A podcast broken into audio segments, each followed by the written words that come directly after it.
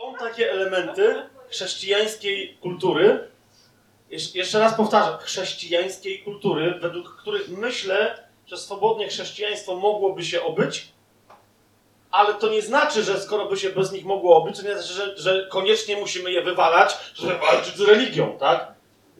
E, parokrotnie już o tym mówiłem, że na, naprawdę marzę o takim momencie, żeby kiedyś w jakimś polskim zborze, wspólnocie domowej, nieważne gdzie, tak? Ale żeby chociaż przez 15 minut się po prostu z białasami takimi jak my, żeby się pomodlić w takim e, stylu murzyńskiego przebudzenia z południa Stanów Zjednoczonych. Wiecie o co mi chodzi?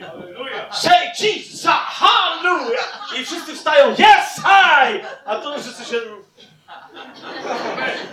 Teraz tak, no, nie ma się co ekscytować. Powoli. To jest emocjonalizm. Zostaw to. Ja to akurat lubię. E, ale jeszcze raz, ale jeszcze raz zauważcie. Słucham? W naszym kościele jest to samo. O, o, u was tak jest. No, u nas jest... Znaczy, że są murzyni, czy że biali się mogą? Się tak. Biali się mogą jak murzyni. Okej, to nie wiem, czy mnie to zachęca.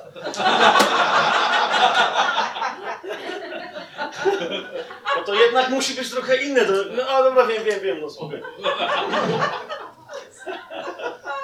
No, ale no, no, niestety, no niedźwiedź polarny, to mimo, że jest niedźwiedziem taki samym jak grizzly, to jest polarny i on inaczej e, je ryby.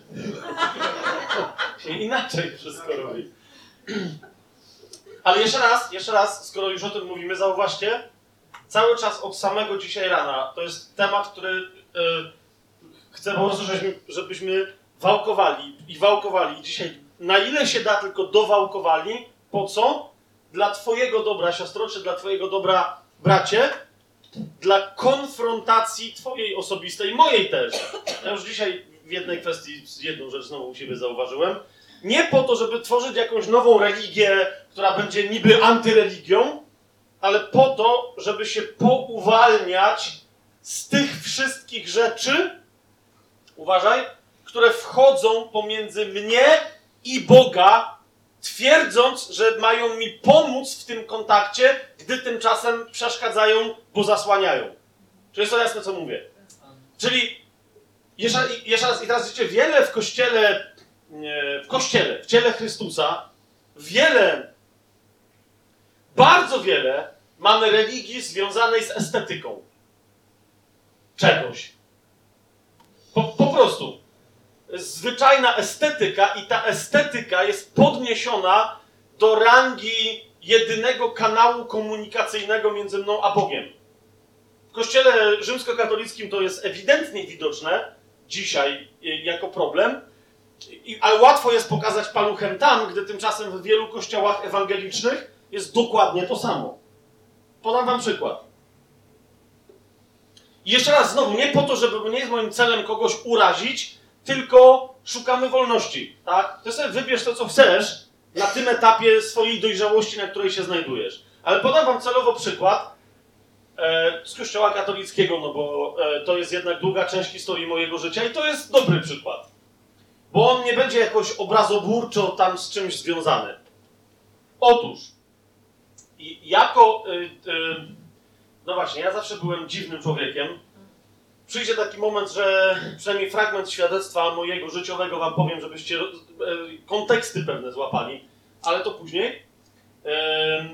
Niemniej, będąc. y, Chodzi o to, że ja poszedłem do zakonu uprzednio się nawróciwszy. Tak? Czyli przyjąłem Jezusa, uwierzyłem w Jezusa zupełnie poza kościołem, jakimkolwiek. Tak? Po prostu spotkanie domowe w Krakowie u kogoś tam, y, na, na które mnie mój przyjaciel zaprosił. To później dopiero uznałem, że skoro wierzę w Jezusa, to muszę być w kościele, no bo tak wynika z Biblii, a naprawdę wtedy jedyną myślą, jaką miałem, to był 92 rok, 1992. No to jest, że jak mam wrócić do jakiegoś kościoła, no to jest tylko jeden przecież kościół, który jest poukładany, uporządkowany i tak dalej, tak? Niemniej później się okazało, że to moje rozumienie e, uporządkowania duchowości w kościele i tak dalej naprawdę e, wielu osobom nie pasuje, tak? A mi nie pasowało, że im nie pasuje, to było prze- przedziwne doświadczenie.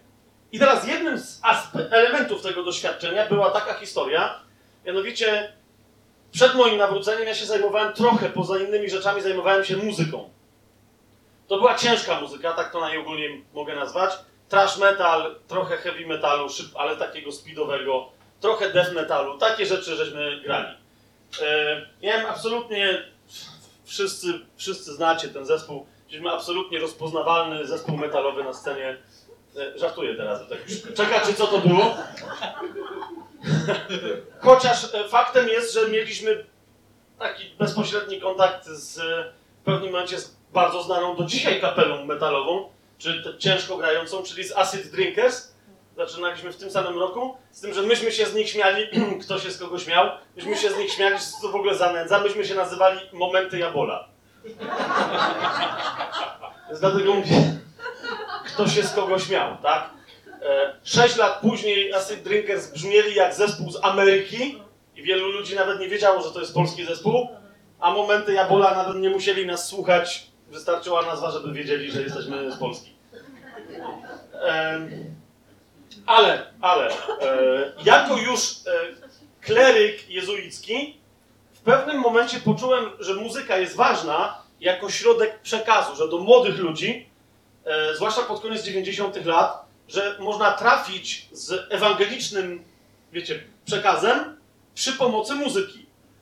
E, już istniała w Polsce cała, fa- no, zwłaszcza w Warszawie, tak? E, naprawdę, z całym szacunkiem, cała fala muzyków ponawracanych w taki czy inny sposób, e, typu e, Budzyński, Lica, właśnie, no kojarzycie, tak? E, Armia, to potem tam te wszystkie Arki Noego i inne historie e, popowstawały, tak?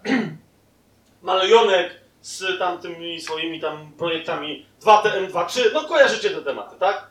Natomiast mnie wtedy oświeciło, kiedy wszyscy się jeszcze z tego śmiali, że czymś, co mogłoby pozwolić chrześcijanom e, docierać do młodych ludzi z autentyzmem, z autentycznym przekazem, nie jest ani muzyka metalowa, ani punkowa, ani jakaś, bo to jest też tylko jakaś forma, ale że jest to hip-hop. Tak? Bo tam jest prawie żadnej muzyki nie ma, czy wtedy, tak? Jakiś bicior się robi, do tego jakieś tam skrecze, ale to nawet nieistotne. I na tej podstawie można nawijać. Całe kazanie można byłoby wręcz powiedzieć, tak? Więc mówię, wow, to jest fajne.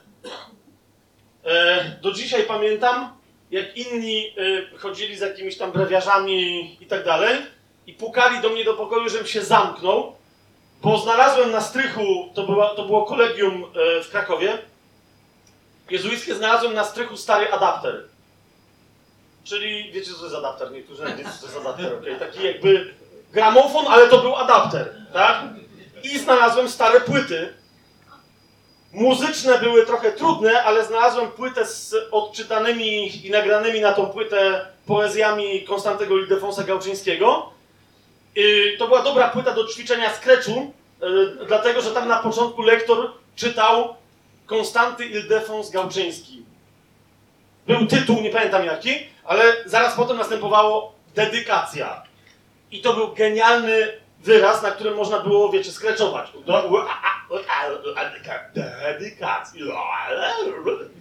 Na tym jednym wyrazie się uczyłem, jak chcę trafiać, wiecie, we właściwy moment.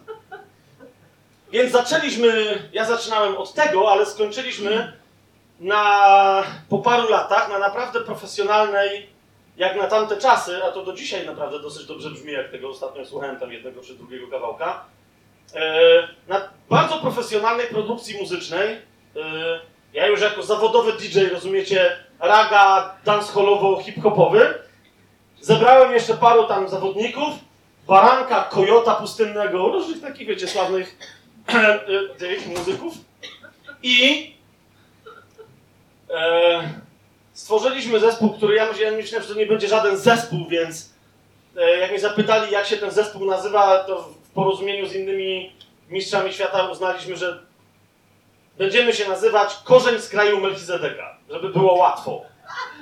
Wszyscy na pewno zapamiętają tę nazwę.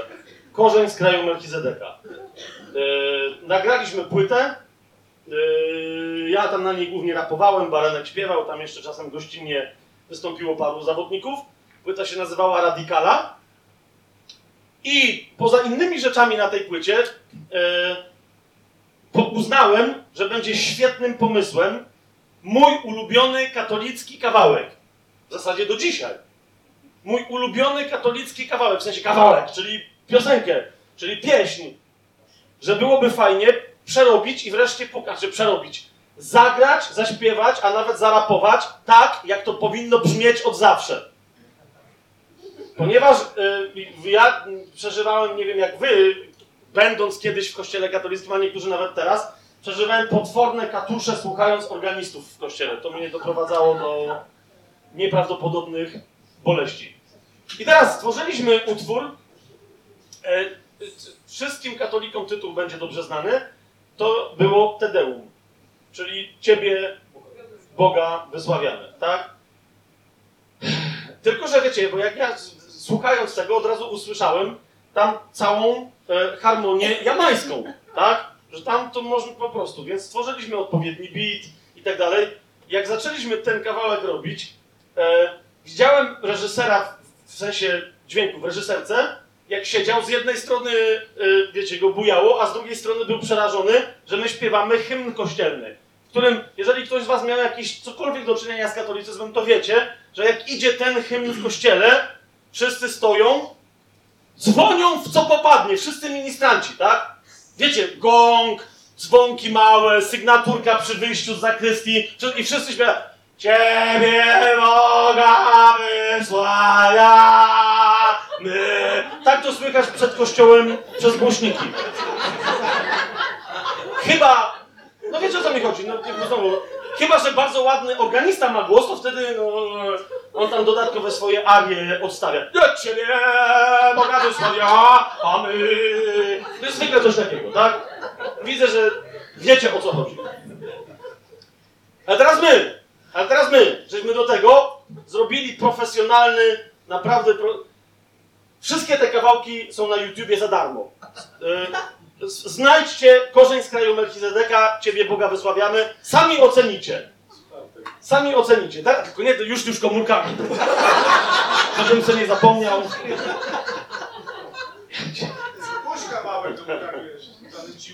Zaraz, zaraz, powoli, bo teraz to nie jest. Teraz o co. Już, ale już czujecie, co się dzieje, tak?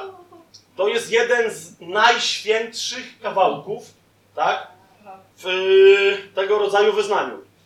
I teraz, ja rozumiecie, teraz na, posłużę się tym określeniem bardzo świadomie. Bogu ducha winny. Naprawdę Bogu ducha winny uznałem, że to będzie wreszcie oddanie Bogu chwały przy pomocy tego utworu. Bo do tej pory to według mnie to było wręcz przeciwnie. To była obraza boska, żeby ktoś tak fajny kawałek tak masakrował. Więc zrobiliśmy bicior, tak? Po prostu szedł klasyczny szło, podkłady, wszystko, tak? I tam po prostu jak żeśmy do tego Ciebie Boga wysławiamy, yo, yo, come on baby, yo! To nie aż tak, nie aż tak, bo jeszcze lepiej tam jest, naprawdę, miałem tam jest jeszcze lepiej, nie? Teraz widzicie, wy się śmiejecie, Tak, ale reakcje były dwie. Reakcje były dwie. Nie, nie, w kościele katolickim nie ma zwiedzenia. E, Tam nie ma takiej koncepcji, że ktoś jest, chyba że dzisiaj, bo kościół katolicki zaczyna się protestantyzować, więc jedną z pierwszych idei, którą przyjął, to jest, że ktoś może być zwiedziony, tak? Ale wtedy to było nie. Wtedy to było albo jesteś obrazoburcą, albo jesteś święty. To są dwie możliwości. I taka była reakcja. Jedna, wreszcie chrześcijaństwo na miarę XXI wieku. Wreszcie mamy jak ewangelizować. I te wszystkie brednie, w które nawiasem mówiąc ja wtedy wierzyłem. I z drugiej strony obraza boskiego majestatu, święty utwór, zbrukany, zrzucony z piedestału na ziemię i tak dalej. I te, I te wszystkie brednie. Wiecie o co mi chodzi, czy jeszcze nie? Tylko i wyłącznie kwestia estetyki. Zauważcie, w kościele rzymskokatolickim największa dzisiaj debata pewnych kręgów to jest debata pomiędzy pomponiarzami a wyznawcami Soboru Watykańskiego II. Pomponiarze, teraz to nie jest żadna obraza, jest chyba nawet strona pomponiarze.pl. Tak? Z dumą siebie określają, że są pomponiarzami. To są ludzie, którzy wyznają stary ryt mszy łacińskiej. Po łacinie, wie? Pomponiarze dlatego, że wtedy, wiecie, do biletu się pompona doszywało, rękawice były, no wiecie tam te wszystkie kwestie. Jak szedł biskup, to zanim nieśli ten, jak to się nazywała, kapamania, tak? O, właśnie, Kapomory. ty, ty, aż się zapomnę. Jaki jestem z siebie dumny, jeszcze pamiętam do tej pory, patrz. Właśnie to jest to. I to jest tak, że rozumiecie, panna młoda w życiu takiego welonu nie widziała. Jak biskup miał to za sobą, to miało czasem ze 60 metrów. Autentycznie. Autent czerwonego, rozumiesz, takiego sukna i oni to, zanim, zanim ten wszedł, on już dawno przeszedł, a za nim szła kapamania, rozumiecie, czyli to wielkie nakrycie. I teraz, jeszcze raz, walka tak zwanych tradycjonalistów z, z dzisiaj yy, prawowiernymi katolikami to jest walka o to. Rozumiesz, czy łacina jest lepsza od polskiego, czy nie jest? Czy tyłem, czy przodem ksiądz ma tam stać do kogoś? Nikt się nie pyta, co jest zgodne z Biblią, tylko co kogo dotyka jako świętokradcze albo Boga czczące. Rozumiecie, o co mi chodzi? I teraz łatwo jest o tym opowiadać, kiedy dotyczy tak oczywistych kwestii. Ale teraz zauważcie, co się dzieje wśród chrześcijan Biblii niewierzących. To jest właśnie to, co ty powiedziałeś. Wystarczy, że ktoś coś, nawet nie to, że powie, bo jak już powie, to to już jest, e, rozumiesz, jedna wypowiedź, dwóch oceniających, cztery różne koncepcje. Zwiedzeń. Y, Kuba Kamiński ostatnio, jak miał ewangelizację w Legnicy, to w Legnicy to było. Kojarzycie Kubę Kamińskiego? Taki piłkarz, który się nawrócił i teraz e, głosi jako ewangelista w Polsce i, i po świecie. Y, Pomijam na razie całą tam resztę związaną z Kubą, ale Kuba, y, jedna rzecz mi się kiedyś bardzo spodobała, mówi dzisiaj w świecie biblijnych chrześcijan, gdyby był, mówi inaczej, gdyby za czasów Pana Jezusa była taka technologia, jak mają dzisiaj biblijni chrześcijanie, czyli wszyscy. Wiecie o co mi chodzi? YouTube, Facebook, Instagram, Twitter, e, transmisje na żywo z komórki. I Kuba mówi, wyobraźcie sobie taką sytuację. Idzie, jest noc, płyną apostołowie łodzią i idzie Jezus po wodzie. Wyobraźcie sobie, idzie Jezus po wodzie, tak? I teraz jest sytuacja, Piotr wstaje i mówi, czy to jesteś ty? Ja mówi, tak, to jestem ja. Mówi, jak to jesteś ty, to mi powiedz, żebym przyszedł do ciebie. I Jezus mówi, Piotrze, przyjdź do mnie. Piotr w takim razie wychodzi. Co się dzieje? Wszyscy apostołowie, właśnie, cyk, komóreczki, pff, nagrywają, tak? Jeden nagrywa, drugi nagrywa, trzeci nagrywa, bo chcą wszystko e, odpowiednio złożyć i dopiero wtedy puścić na YouTube'a. Czwarty jest nowoczesny, robi live stream od razu. Jak robi live stream i wrzuca na Facebooka, na Facebooku pierwszy komentarz zwiedzenie.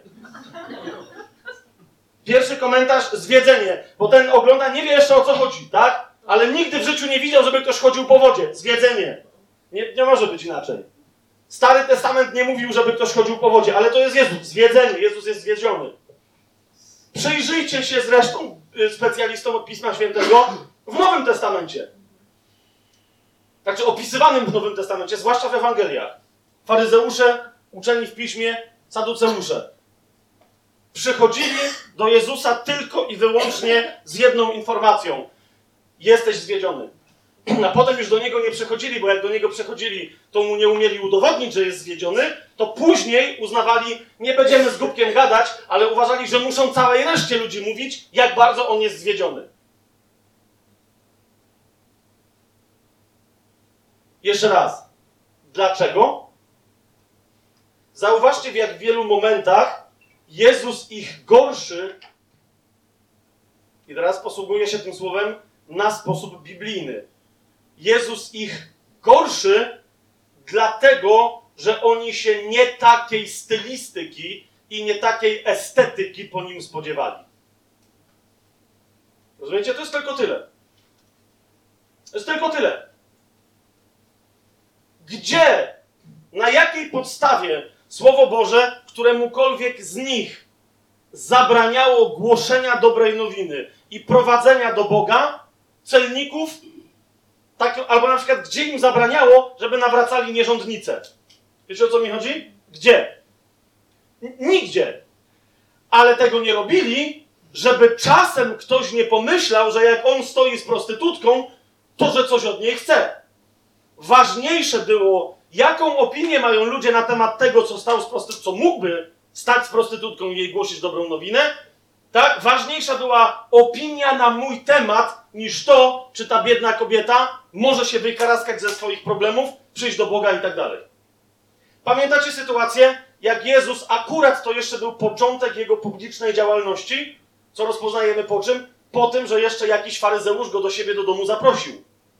Tak? Jest ta scena, kiedy u Szymona faryzeusza, podkreślam, u Szymona faryzeusza, nie u żadnego z innych Szymonów, u Szymona faryzeusza Jezus leży przy stole i jeszcze raz powtarzam, że leżał przy stole, żeby była zrozumiała cała scena biblijna. Jezus leży przy stole i co się wtedy dzieje?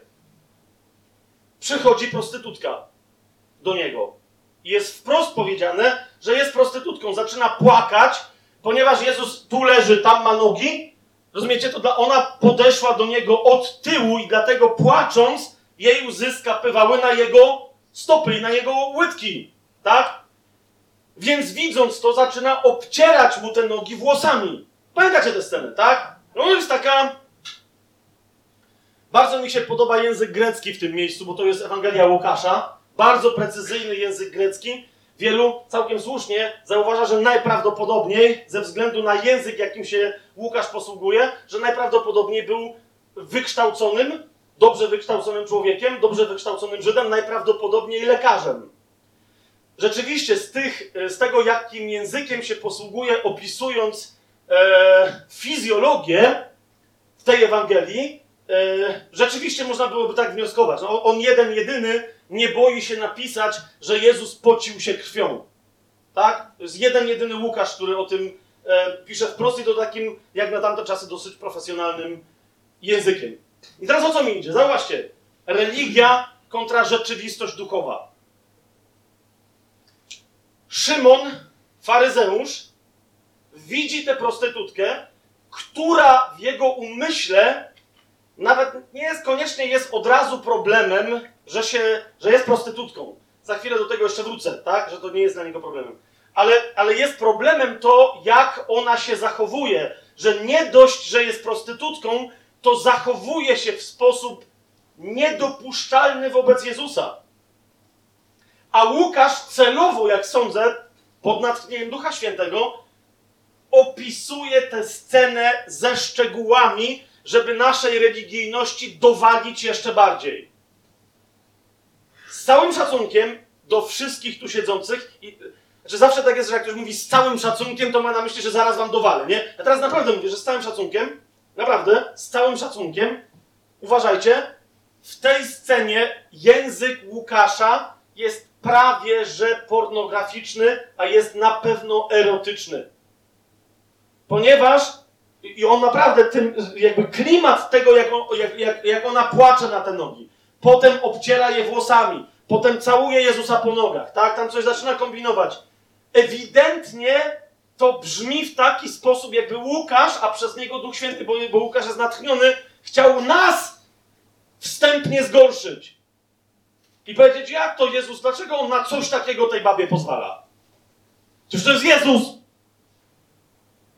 I teraz, I teraz zauważcie, myślę, że ten opis celowo prawie że za daleko się zapędza, żeby we właściwym kontekście pokazać estetyczną religijność, z której wyrasta moralność pseudo. Ponieważ Szymon faryzeusz, widząc to, łaskawie i miłosiernie Duch Święty razem z Łukaszem oszczędzają jemu wstydu i nie mówią, co się jemu w głowie dzieje. Tak? I co się mu w ciele dzieje, kiedy to widzi. Tylko mówią, że pewnym momencie procesu, który w nim zachodzi, że Szymon sobie pomyślał, gdyby ten, czyli Jezus, gdyby ten był prorokiem, to by wiedział, co to za jedna. Pamiętacie tę scenę? Jezus, który jest prorokiem, i to takim, jakiego nie widziano, odpowiada Szymonowi, wyraźnie pokazując, że wie, co się dzieje. Tłumaczy mu, że ta kobieta zachowuje się tak, jak zachowuje, ponieważ doświadczyła pełni miłości Bożej, która, której wyraz znalazła najpierw w przebaczeniu. Tak? Jezus publicznie mówi, ale zauważcie, nie poniżając tej kobiety, że jest winna wielu grzechów.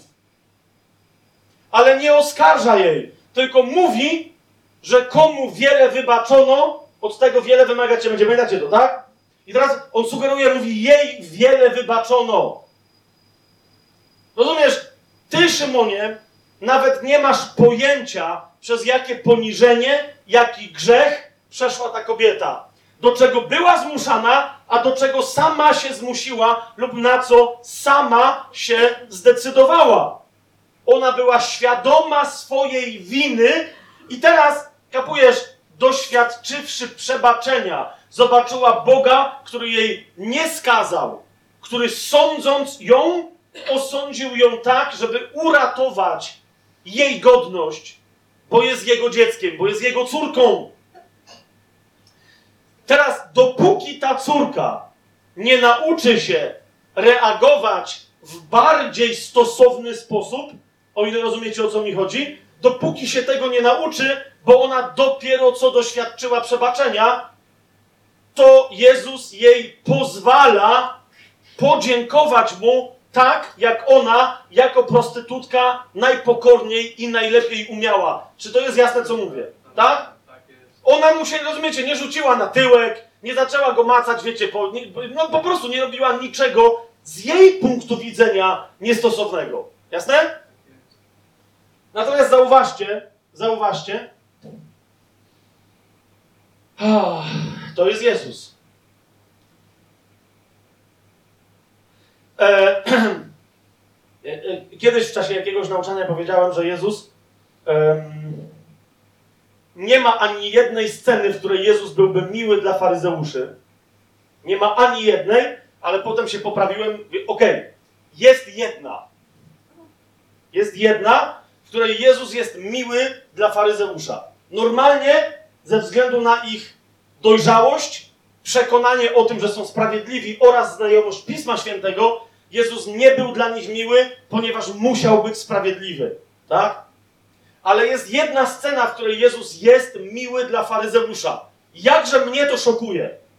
Bo ja bym chciał mieć Jezusa, który nigdy faryzeuszom nie odpuścił. I teraz moja religijność, jak sobie z tego zdałem sprawę, też pod tym względem upadła. Aż nawet byłem przez moment wkurzony na Pana Jezusa i mówię, przesadziłeś. Jaka to jest scena? No właśnie ta, którą wam opisuję. Pomyślcie dobrze.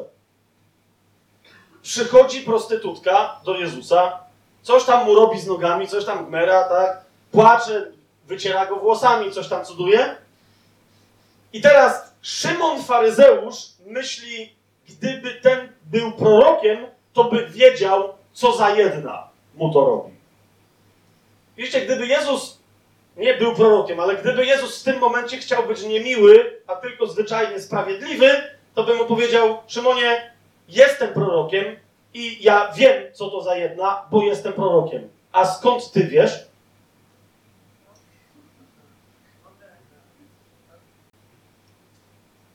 No wiecie o co idzie? Łaskawie Jezus nie powiedział na głos, co Szymon pomyślał, bo on myśląc to, co myślał, myślał, że sam se myśli i nikt tego nie słucha, mając obok siebie proroka, w którego nie uwierzył. Rozumiesz? I oceniał Jezusa. Zauważ, gdzie jest religia. Ocenia Jezusa, któremu już nawrócona prostytutka, o czym on nie wie, próbuje, jak umie, podziękować, obmywając mu nogi, ocenia go, że prostytutka dotyka go w sposób niestosowny, tymczasem wiedząc świetnie skąd inąd, że to jest prostytutka. Jeżeli to jest pierwszy moment w życiu tej prostytutki, że jej zostało przebaczone i dziękuję za to Jezusowi, to pytam się, w jakich innych okolicznościach Szymon się dowiedział, że to jest prostytutka. I mam do Was drugie pytanie.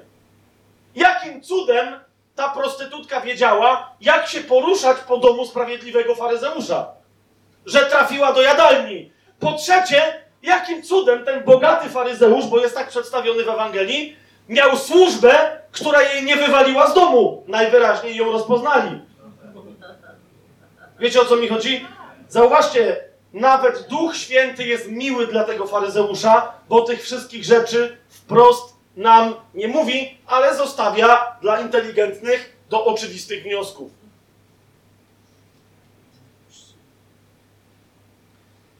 Estetyka. Im więcej religijna osoba, nawet jeżeli, zauważcie, faryzeusz, to nie jest gość, którego byś dzisiejszy biblijny chrześcijanin oskarżył o czczenie bożków. Zauważyliście? Biblijny faryzeusz nie miał obrazka żadnego świętego w domu, nie miał medalika na szyi, ewentualnie miał filakterię czy tam inne rzeczy zgodnie z Pismem Świętym, albo na czole sobie zawiesił, wiecie, kawałek Pisma Świętego, ale to tyle. Im więcej religijna osoba, a zauważcie, tu macie człowieka, który nie ma tych wszystkich świętych rzeczy, w cudzym słowie, a jest ekstremalnie religijny. Im więcej religijna osoba ma brudu za własnymi pazurami, tym bardziej będzie innych atakować za drobiazgi. I to o tym w sposób oczywisty Jezus mówi. Najpierw wyjmij belkę ze swojego oka, zanim zaczniesz szukać drzazgi w oku swojego brata. Amen? Widzisz, to jest jeden z aspektów religijnych, kiedy bierze się ktoś komuś za wyciąganie drzazgi z oka. Zauważcie, ile dyskusji między biblijnie wierzącymi chrześcijanami się odbywa na ten temat. Na ten temat. Ale pozwól, że ja ci wyciągnę. Ale niestety y, chętnie bym ci pozwolił, ale coś mnie przesuwa. Zdaje się, że ci dyszel wystaje z oka. Niemożliwe, chodź tu. Rozumiecie?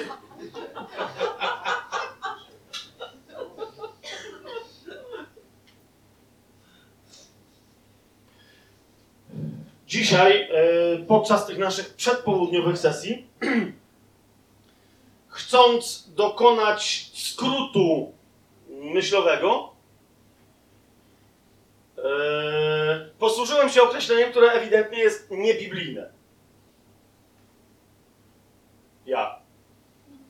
Bardzo chcę Was serdecznie przeprosić za to i pokutuję przed Wami teraz, przed całym Kościołem. I chcę podziękować bratu, który nie pamiętam jak ma na, na imię Robert, który mi na to zwrócił uwagę. Aleluja. Co prawda, y, szybko się zgodziliśmy, no, że to był mój bardzo, bardzo drastyczny skrót myślowy, ale rzeczywiście y, ktoś mógłby mnie źle zrozumieć, a są inni ludzie, którzy sobie na tej podstawie tworzą całe dziwaczne teologie. Więc teraz nie tylko mówię, że popełniłem błąd, ale się do niego przyznaję. Chcę wam powiedzieć o co chodzi, ale zanim wam powiem o co chodzi, to jeszcze raz, popatrzcie na tego człowieka. Pokażcie wszystkim elegancko. Dobra, tu sobie. Nie ma jak kogoś wyciągnąć bezpiecznie, że siedzi w szóstym rzędzie i nagle pokaż się wszystkim. Ale o co mi chodzi? Że no to była świetna rozmowa, tak? Sensie podchodzi i mówi, słuchaj, powiedziałeś tak i tak, a to nie tak jest, ale zaraz o co chodzi? A tu, a rzeczywiście, no tak. To jest, to jest to.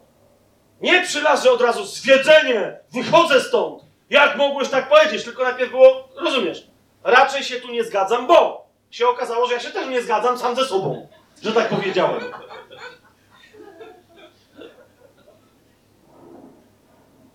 Nie zacytuję wam dokładnie, e, ale mówiłem przed południem o byciu narzędziami w rękach Bożych.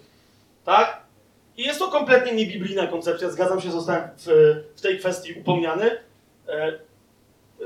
Teraz ty też mi wybacz, bo ja ci będę na początku od tego zaczniemy, no ale to wiesz, u mnie czasem początek się przesuwa do środka. Nie? Ale jestem, jestem w tym miejscu. Wybaczcie. E, ale teraz do, do rzeczy. E, szybko się zgodziliśmy w tym temacie, że ludzie, wiecie, do, dopóki ktoś pokornie Albo tak jak ja, mi nawet nie o pokorę chodziło, tylko o to, żeby skrócić myśl i pójść dalej. Nie, nie tworzyć kolejnej dygresji. Więc jeżeli ktoś w takiej czy innej kwestii zaczyna mówić o byciu narzędziem w ręku Boga, że Bóg wykonuje swoje dzieło, a my w Jego rękach mamy być narzędziami, e, ale mówię, rozumie, co się tam dzieje, to jeszcze okej. Okay. Ale ktoś inny może go nie zrozumieć, a, a są też tacy, którzy z tego rodzaju koncepcji tworzą całą doktrynę, która co robi? usprawiedliwia ich w porażkach, lub wręcz niektórych usprawiedli, próbują się, bo to ich nie usprawiedliwia, ale próbują się tą doktryną usprawiedliwiać ze swojej gnuśności, czyli lenistwa. Tak? Ktoś mówi, jeżeli ktoś. I, I mnie zupełnie nie o to chodziło, tam była zupełnie inna myśl. Tak? Jeżeli ktoś mówi, no ja jestem tylko narzędziem w ręku Boga, ale widzisz, no jakoś Bóg coś nie zadziałał przeze mnie. Także to nie moja wina, to wiesz, to Bóg jest taki cienias. Znaczy tak to nie powiem, bo ja jestem tylko narzędziu w ręku Boga, narzędziem, a że Bóg przeze mnie nie zadziałał, niezbadane są wyroki boskie. Bo moje drogi nie są waszymi drogami, a moim... Rozumiecie? I już masz tyle, tak? Nagada się chłop wtedy pół godziny, wyjaśni ci, że jest narzędziem, taka pokora i nic z tego nie wyniknęło, ale to nie moja wina. O to szło, prawda? I rzeczywiście, yy, zauważcie, i w Starym, i w Nowym Testamencie tutaj nie ma różnicy. Bóg nie szuka narzędzi. Ok? Bóg nie szuka narzędzi. Znaczy szuka i czasami niektórymi się posługuje jako narzędziami, ale zwróćcie uwagę, że to są wtedy ci, którzy nie chcą pełnić woli Bożej, albo nie są tego świadomi. Często to są grzesznicy. Niemniej wykorzystuje ich Bóg w pewnych sytuacjach, chcą czy nie chcą, dla swoich celów. Mogliby z nim współpracować, ale jak nie chcą, to Bóg ich wtedy wykorzystuje jako narzędzia swojej woli, jako na przykład narzędzia swojego sprawiedliwego gniewu. Niemniej, jeżeli ktoś zwraca się do Boga, przez wiarę rodzi się na nowo, staje się Bożym dzieckiem, tego Bóg nigdy, ale to przenigdy nie chce mieć w swojej ręce jako tępego narzędzia. Nigdy. I teraz y, dlaczego y, o tym mówię, tak? Y, że dlaczego bo myśmy nawet nie, potem nie kontynuowali tego. Widzicie, jedna z pierwszych rzeczy, e, która z początku, znaczy nie z początku, po prostu nigdy mi się nie podobała, jak byłem jezuitą. Y, to była kon, jezuicka koncepcja posłuszeństwa. Jezui, a, a już od początku, wstępując do jezuitów, pierwsze, czego tam się, y, nie wiem jak jest teraz, ale wtedy tak było, czego nas się uczyło, cały czas nam powtarzano, że jezuita ma być tak posłuszny swoim przełożonym, jak jest posłuszna laska w ręku ślepego starca. Słowem, twoje uczucia, twój intelekt, y, duch jest nieistotne, tak? Mają być martwe w ręku przełożonego, tak? Przełożony ma mieć taką swoją, jak coś każe, z wyjątkiem, to było też interesujące, jak się do, jak, potem jak się chciałem dopytać, to już się nie mogłem dopytać, bo y, dopytując się, zapytałem, no a co jeżeli by mi przełożony rozkazał grzech? To się wtedy dowiedziałem, że mam być posłuszny jak laska w ręku starca, z wyjątkiem oczywistego grzechu. No i tu wiecie, od razu się, no a jak jest nieoczywisty grzech, czyli że wtedy jest, można byłoby przedyskutować parę kwestii, to wtedy było, y, tu nie ma w ogóle dyskusji, bo jak zaczynasz dyskusję, to masz, jesteś nieposłuszny w rozumie. A ty musisz być dosłownie, rozumiesz?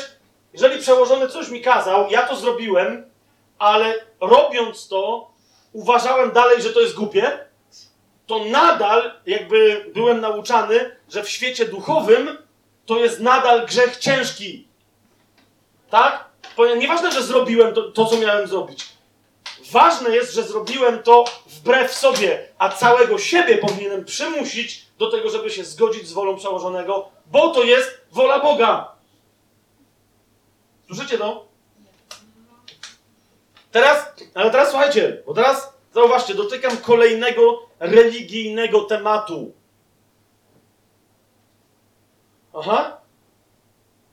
To jest te, jak, ja zawsze jak o tym mówię, że o, bo wtedy wszyscy patrzą, a ci jezuici to są jednak diabły wcielone. Ale to jest temat, którego tam przynajmniej, rozumiecie, tam przynajmniej nikt nie owija w bawełnę, tak to powiem. A to nie jest temat nieobecny w kościołach ewangelicznych, tak? To nie jest temat nieobecny w kościołach ewangelicznych. Tam nie ma, że tak powiem, teologii posłuszeństwa, a jak ona jest, to nie jest do końca aż taka ekstremalna, ale mnie chodzi o to, że niestety istnieje wiele takich społeczności i znowu na miłosierdzie żyjącego Boga pośród nas, tak? Nie, po prostu zrozumcie mnie dobrze. Bo nie jest moim celem atak znowu na jakieś tam układy, tak? Czy na taką, czy inną. Nie! Ja tylko mówię o tym, co ewidentnie jest faktem i z czym, kiedy ja na przykład, rozumiecie, bo ja, ja o tym nie wiedziałem na początku. Jak mówiłem świadectwo o moim byciu jezuitą niegdyś i o tym posłuszeństwie i tak dalej, ludzie z biblijnie wierzących zborów przychodzili do mnie i mówili, to się aż tak wiele nie różni od tego, co jest u nas w kościele. Rozumiecie, ja z początku byłem zszokowany, że jakaś patologia u was jest i... Ale potem się okazało, że nie! Nie chodzi mi o to, że to jest wszędzie, nie chodzi mi o to, że to jest zawsze, ale myślę, że wiecie, o czym mówię. Tak? Kolejna rzecz. Kolejna rzecz. Kto w świecie rzeczywistości duchowej wobec kogo ma autorytet? Na czym ten autorytet polega? Kto, kiedy, jak może go egzekwować? Kto, kiedy, jak ma prawo cokolwiek zrobić wobec swojego brata i siostry w Chrystusie? Słyszycie, co mówię? Jeszcze raz, jak wiele rzeczy ludzie puszczają płazem, wiedząc o tym, że są ewidentnie nieewangeliczne. I zaraz wam tego znowu podam przykłady, ale puszczają płazem, bo nie chcą zadrzeć z władzą w swoim kościele albo wręcz w strukturze swoich kościołów, w swojej denominacji. Podam wam przykład. Jest taki fragment, ja wam nawet nie powiem, gdzie on jest, ale wy wiecie, gdzie on jest. Zwłaszcza ci, którzy długo, pa, długo, czyli parę lat żyją w kościołach ewangelicznie wierzących.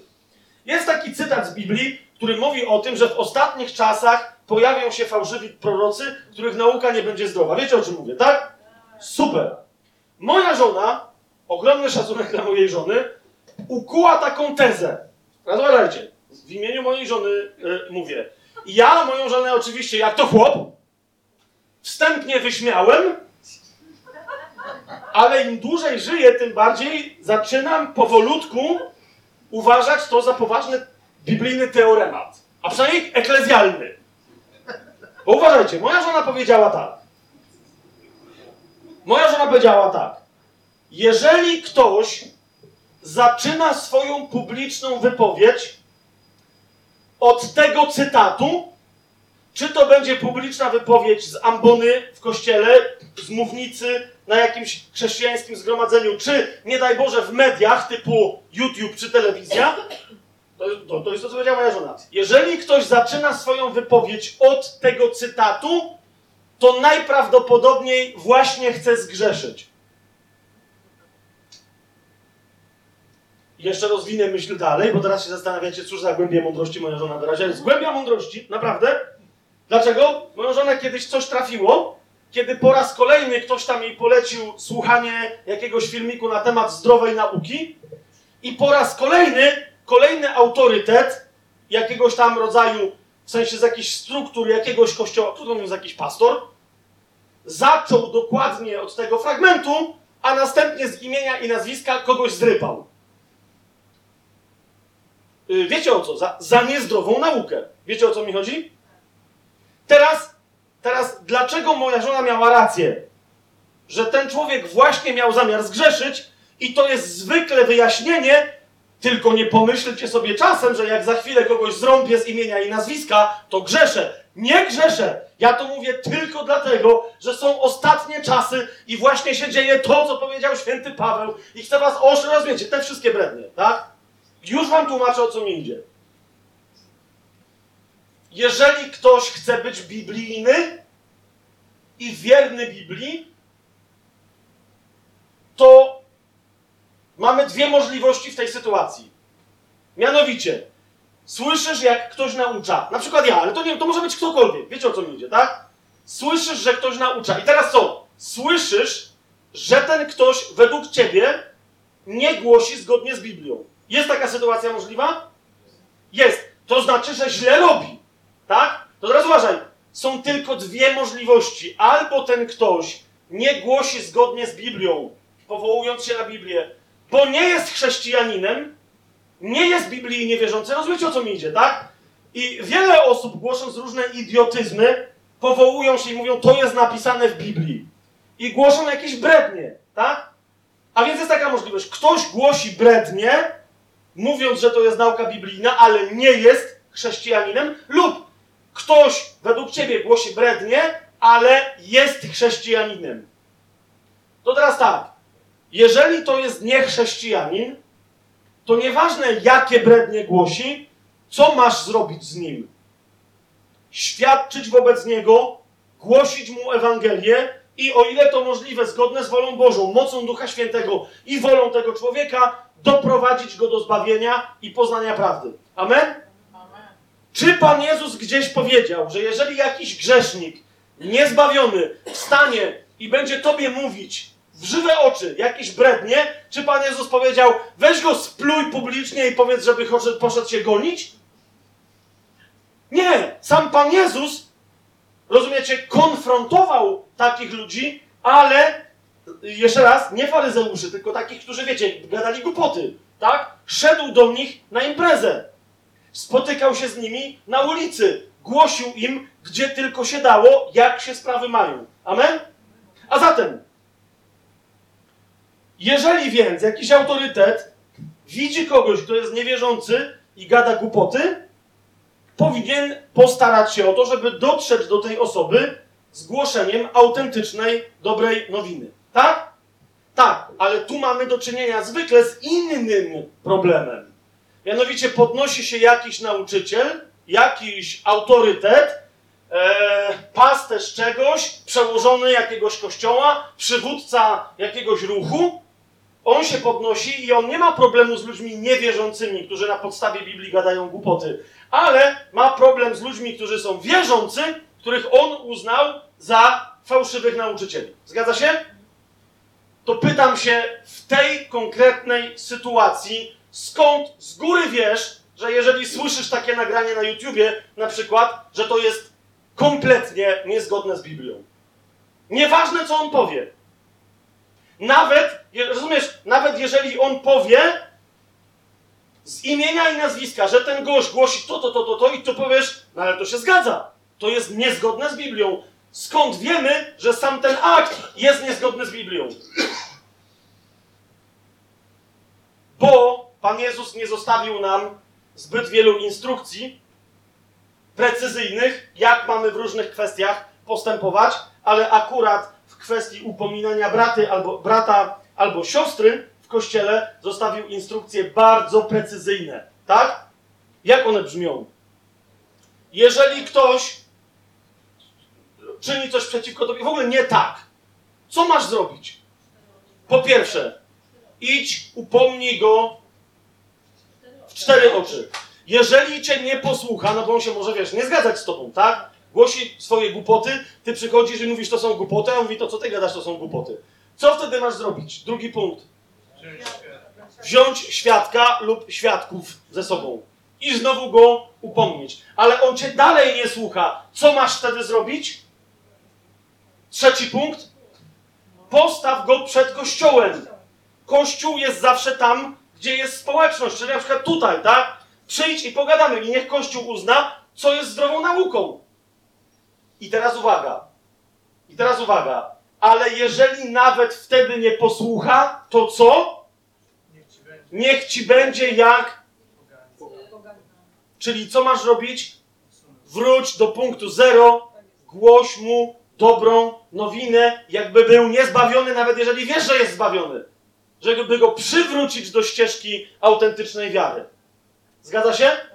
Teraz powiedzcie mi, w ramach tej prostej instrukcji, która zauważcie, że się zapętla, w którym momencie Pan Jezus pozwala wyjść komukolwiek w kościele do świata i przed światem oskarżać innego brata albo siostrę o to, że w ramach kościelnych rzeczy robi coś źle. W którym punkcie tego, co Pan Jezus nam nakazał, w którym punkcie dozwala w ogóle taki scenariusz? W żadnym. Rozumiecie o co mi chodzi? Rozumiecie o co mi chodzi? Podobnie rzeczy się mają, gdy i dlatego, wiecie, czasem, nie wiem czy nawet tutaj nie ma takiej osoby, więc znowu, jeżeli ktoś taki jest, to się nie obraź teraz. I naprawdę mówię, nie obraź się, ale bardzo się serdecznie proszę, nie obraź się. Yy, ale jeżeli, bo czasem bywa tak, że do mnie ktoś tam pisze czy dzwoni i mówi, tu story, ale tam ktoś po tobie pojechał, no nie?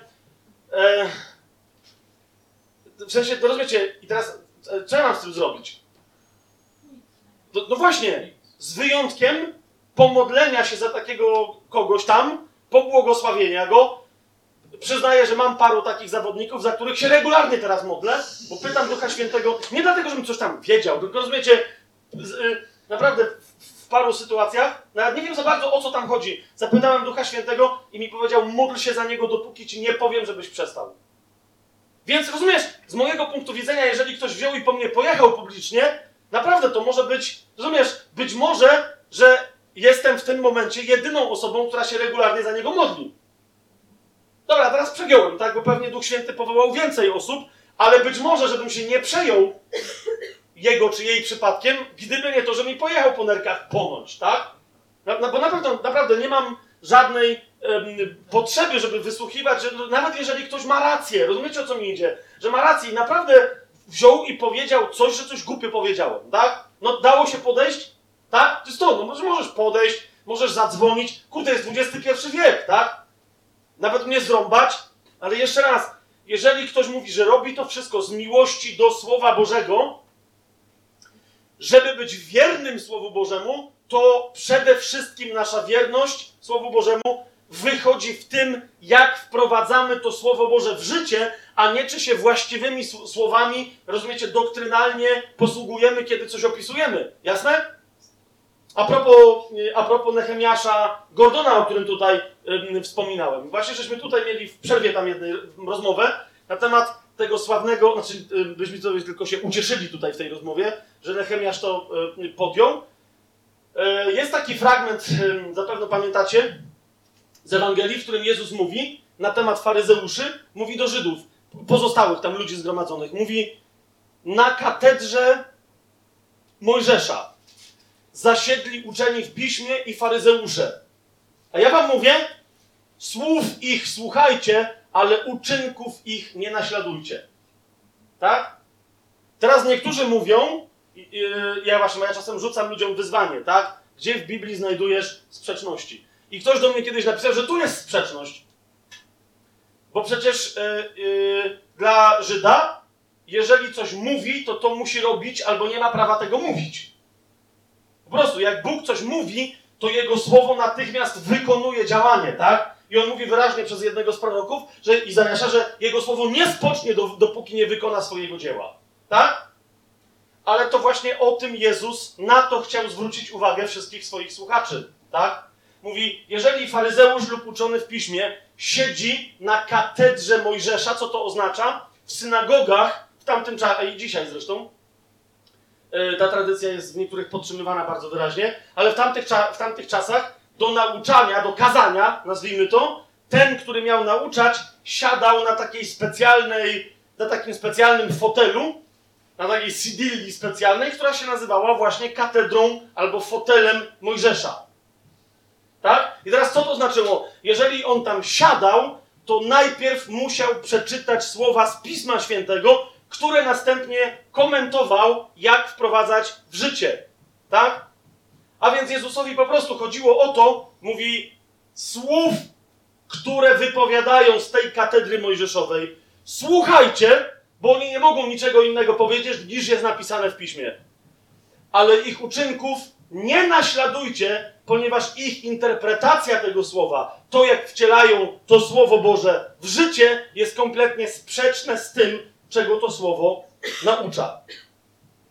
Bardzo interesująca rzecz, że y, ten że y, Nehemiah Gordon znalazł, jak twierdzi, ten zresztą pokazywał, y, parę manuskryptów, wyobraźcie sobie, chrześcijańskich, gdzie ta wiadomość jest tak oczywista, że, że ten jeden zaimek tam został przez niektórych kopistów przekręcony, ale on wyraźnie podkreśla jak było rozumiane to słowo od początku w chrześcijaństwie. Mianowicie ten tekst w niektórych manuskryptach brzmi: Na katedrze Mojżesza zasiedli uczeni w piśmie i faryzeusze.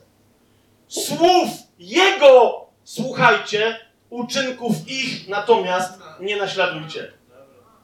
Rozumiecie? Sęk tylko w tym, że w tym tłumaczeniu, które jest według mnie oryginalnym słowem, na, po prostu nadal o to samo chodzi. Tylko tam kopista, rozumiecie, tak dla niego to było oczywiste, o co chodzi, że zmienił ten zaimek ze słów ich na słów jego. Słuchajcie. Czyli zapisanych przez Mojżesza w Torze, tak? A ich uczynków nie naśladujcie, ponieważ te uczynki nie wyrażają tego, o czym mówił Mojżesz. Jeszcze raz, nie ma naprawdę żadnego znaczenia. Kochani, żadnego znaczenia, nawet jeżeli ktoś, kapujesz, weźmie Pismo Święte i jego nauczanie literalnie, werbalnie będzie najzdrowsze na świecie i absolutnie zgodne z tą księgą w słowach, kiedy następnie z ambony złoży tę książkę i powie, tą książką waląc w łeb, ale ty nie rozumiesz tego słowa, a ty w ogóle według niego nie żyjesz. Rozumiecie o co mi chodzi?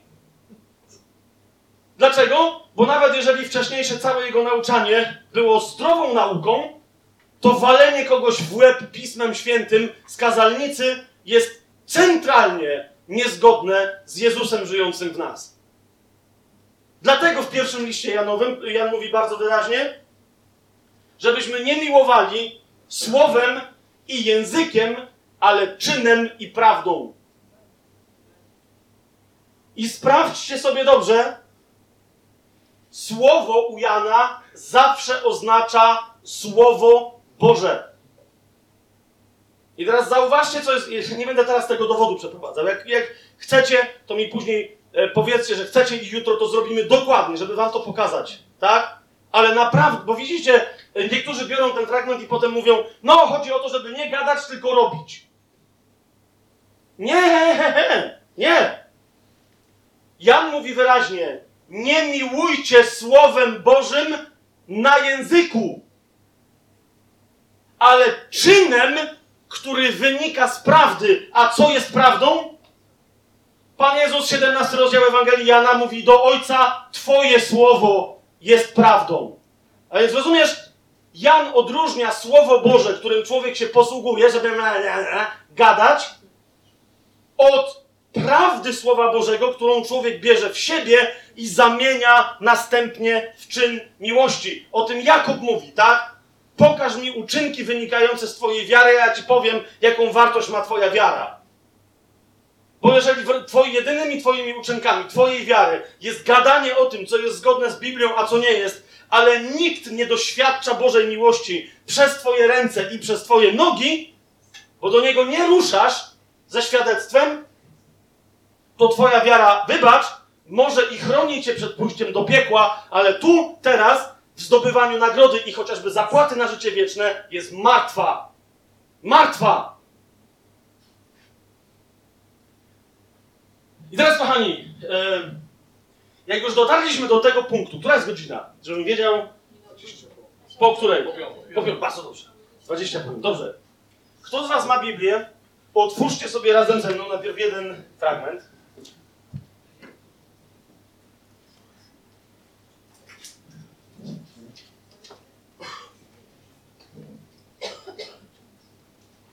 Księgę Izajasza.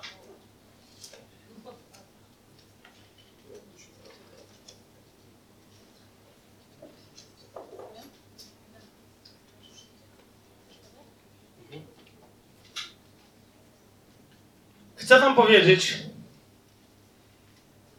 o jednej z najgorszych rzeczy, jeżeli nie dosłownie najgorszej, jaka trapi ludzi w ogólności, a chrześcijan wielu w szczególności.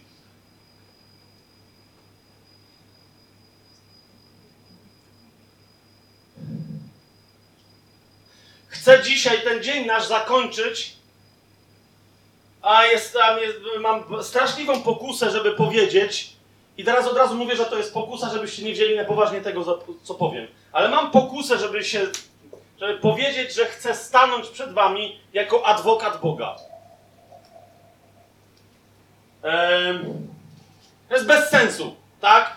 Ponieważ, ponieważ jak, jaki adwokat Boga? Jakby Bóg potrzebował obrońcy. Chociaż są tacy, którzy chcieli i dosłownie to wyrazili, posadzić Boga na ławie oskarżonych z różnych powodów.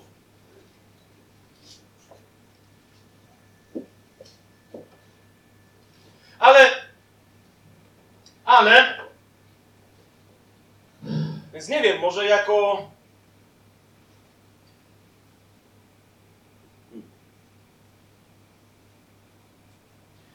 Opowiem Wam o pewnym zjawisku, o którym niektórzy z Was wiedzą, niektórych Was boli, a niektórzy z Was nawet o nim nie wiedzą, ale być może w formie ostrzeżenia, a na pewno zagajenia nam się to przyda. Otóż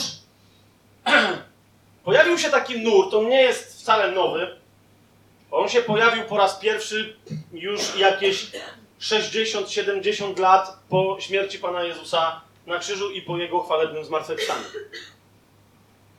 Pojawił się taki nurt gnostycki, który właśnie dlatego ja powiedziałem, że paradoksalnie mam pokusę, żeby się stawić jako adwokat Boga. To był nurt kompletnie niewierzących w Boga ludzi. Prawda jest taka, że wierzyli w możliwość pozyskania boskiej mocy dla siebie przez poznanie, stąd gnozis, gnoza i gnostycy. Oni uważali, że tylko przez poznanie prawdy, a to poznanie jest intelektualne i mistycznie doświadczalne, że ono nie ma tak naprawdę wiele wspólnego z Biblią. Że będąc wtajemniczonym przez pewne specjalne obrzędy, można coraz lepsze mieć poznanie, dzięki temu poznaniu być zbawionym, a później uzyskać moc. Ale teraz widzicie, ci ludzie głosili, jak wielu dzisiaj, wielu na świecie głosili, że Bóg jest miłością i tylko miłością. Powiecie, yy, to dobrze głosili, przecież Słowo Boże mówi, że Bóg jest miłością, tak? Oczywiście, że tak. Ale uważajcie, ci ludzie głosili, że Bóg jest miłością taką, jaką oni by chcieli, żeby był. A uważali, że Bóg niestety, czy inaczej, no właśnie, ktoś w pewnych swoich działaniach objawił się nie do końca jako miłość taka, jak oni ją pojmowali. W związku z tym powiedzieli: My stajemy przed ludzkością w imieniu prawdziwego Boga i bronimy tego prawdziwego Boga przed fałszywym Bogiem. Teraz uważajcie, ci gnostycy powiedzieli, że fałszywy Bóg jest przedstawiony w Biblii już przez cały Stary Testament. Mhm. I teraz rzucam wam wyzwanie, ponieważ jako pobor, zwłaszcza tym, którzy są mocno wierzący biblijnie, wyznający, tym chrześcijanom, rzucam wam wyzwanie. Bo powiecie, hej, hej, nie, nie, nie, to nie jest. Yy, idzie mi o to, że dzisiaj także w Polsce, bo ta plaga co jakiś czas się podnosi. I znowu, jeżeli ktoś z Was akurat ma z tym problem i rozważa to zagadnienie, super, nie chcę nikogo urazić, ale w tej kwestii muszę powiedzieć jasno, to jest plaga i to jest choroba. Nie mówię z imienia, nie mówię z nazwiska, nie, nie, absolutnie, tak? Wiem, tutaj w przerwie żeśmy z kimś rozmawiali, kto publicznie w Polsce przez rozmaite media te, ten temat rozgłasza, więc wy też wiecie, się troszeczkę znamy i mam nadzieję, że się spotkamy, żeby móc te kwestie wyjaśnić. Ale jeszcze raz, nie pokazuję paluchem, bo się nie udało nam porozumieć ani spotkać osobiście. Nie zmienia to jednak faktu, że są kolejni ludzie, po prostu powstaje jakby taka, wiecie, fala takiego pytania. Takiego pytania klasyczna diabelska robota i to trzeba powiedzieć wyraźnie. Celowo to robię zaraz po tym, jak żeśmy pogadali, wiecie, o osądzaniu różnych. Jeszcze raz, nie chcę nikogo teraz osądzać tego, co głosi, mówić, że ci to, a tam ci tamto. Nie chcę.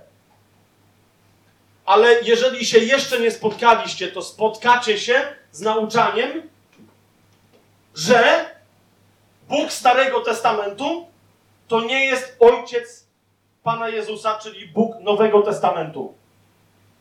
Myśmy na tajemnym planie się z tym spotkali dos, dos, spotykamy dosyć poważnie. Dlaczego? Ponieważ cały kanał zaczął się od komentarzy do, ci z was, którzy troszeczkę kanał znają, do Starego Testamentu, tak? I zaczęliśmy dostawać mnóstwo pytań, uważajcie, po co się w ogóle zajmujecie tamtą książką? Czyli Starym Testamentem. Tam nie ma Boga. Tam nie ma Boga. A ten, co jest, to nie jest prawdziwy Bóg. Dopiero Jezus objawił prawdziwego Boga. Ok? To jest jeden nurt. To jest jeden nurt. Jak już mi ktoś wycina, wiecie, więcej niż połowę Pisma Świętego, ok, ale to nie może być podstawa do żadnej dyskusji. Zwłaszcza, że, kochani, tu będzie druga rzecz. Zwłaszcza, że nawet jeżeli my, biblijnie wierzący chrześcijanie, nieważne w jakim nurcie, mówimy, ok, to jest błazenada. Oczywiście, że Jahwe Starego Testamentu to jest tata Pana Jezusa i to jest Bóg Nowego Testamentu. Najlepsze jest, że przy tych wszystkich tamtych wywodach e, ktoś tam mi powiedział, że chyba nie jestem taki głupi, żeby uważać, że Jezus e, jest synem Jahwe. Ja mówię, że no okej, no ale w sumie to samo imię ma, nie? No wiecie, Jeszua znaczy Jahwe zbawia. Więc yy, i chłop nagle się, naprawdę się mówi, serio? A, wie, a to żeś głęboką analizę Pisma Świętego przeprowadził, jak taki podstawowy punkt wyjścia ci umknął, tak? Że Jezus się tak nazwał, jak ten gość, którym mówisz, że nie ma nic wspólnego z Jezusem. To interesujące. Ale okej. Ale okej, bo teraz powiecie, no dobra, będziemy gadać o jakiejś kontrowersji. Otóż, kochani, to, że powstaje jakiś nurt, który, który robi z tego autentycznie ekstremalną kontrowersję, to według mnie jest tylko pewna, pewien margines i bardzo ekstremalna granica z jednej strony czegoś, co jak choroba toczy chrześcijaństwo od środka. Ok? Bo tamci ludzie zadali pytanie i postanowili szybko udzielić odpowiedzi. Pytanie brzmiało: czy Bóg rzeczywiście jest miłością? I oni powiedzieli: "No jeżeli tak, i niechby Bóg dał, żeby tak było, to w takim razie jak się wytłumaczymy z Boga Starego Testamentu? Więc, żeby się nie musieć tłumaczyć, ucięli go i powiedzieli tylko Pan Jezus. Pan Jezus nie jest taki jak Bóg w Starym Testamencie. Daj spokój. Pan Jezus jest miły, sympatyczny, uczesany, szczyże brodę, uczciwy hipster.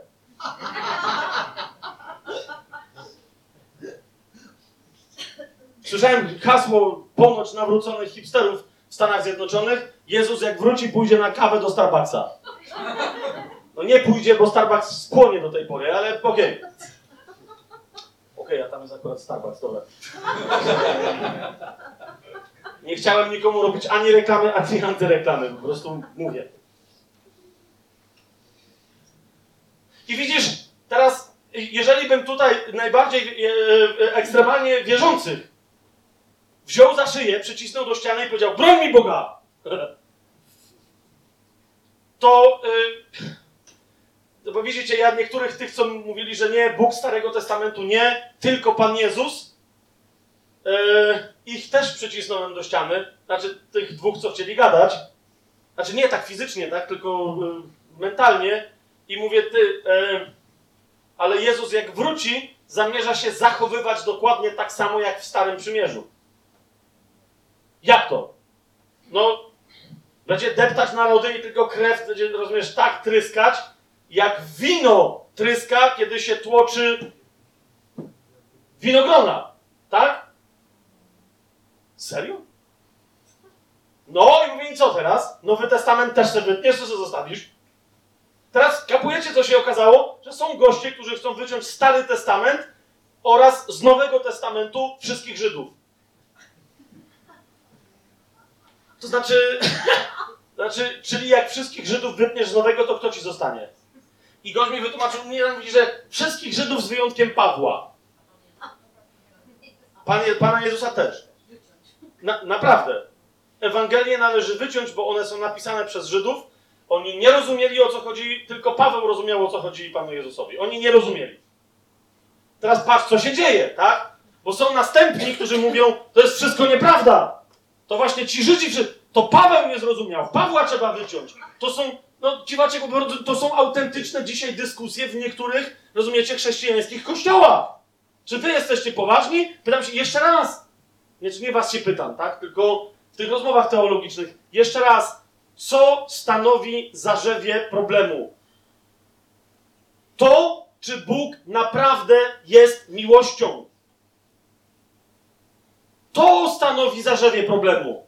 To, czy Bóg naprawdę jest miłością.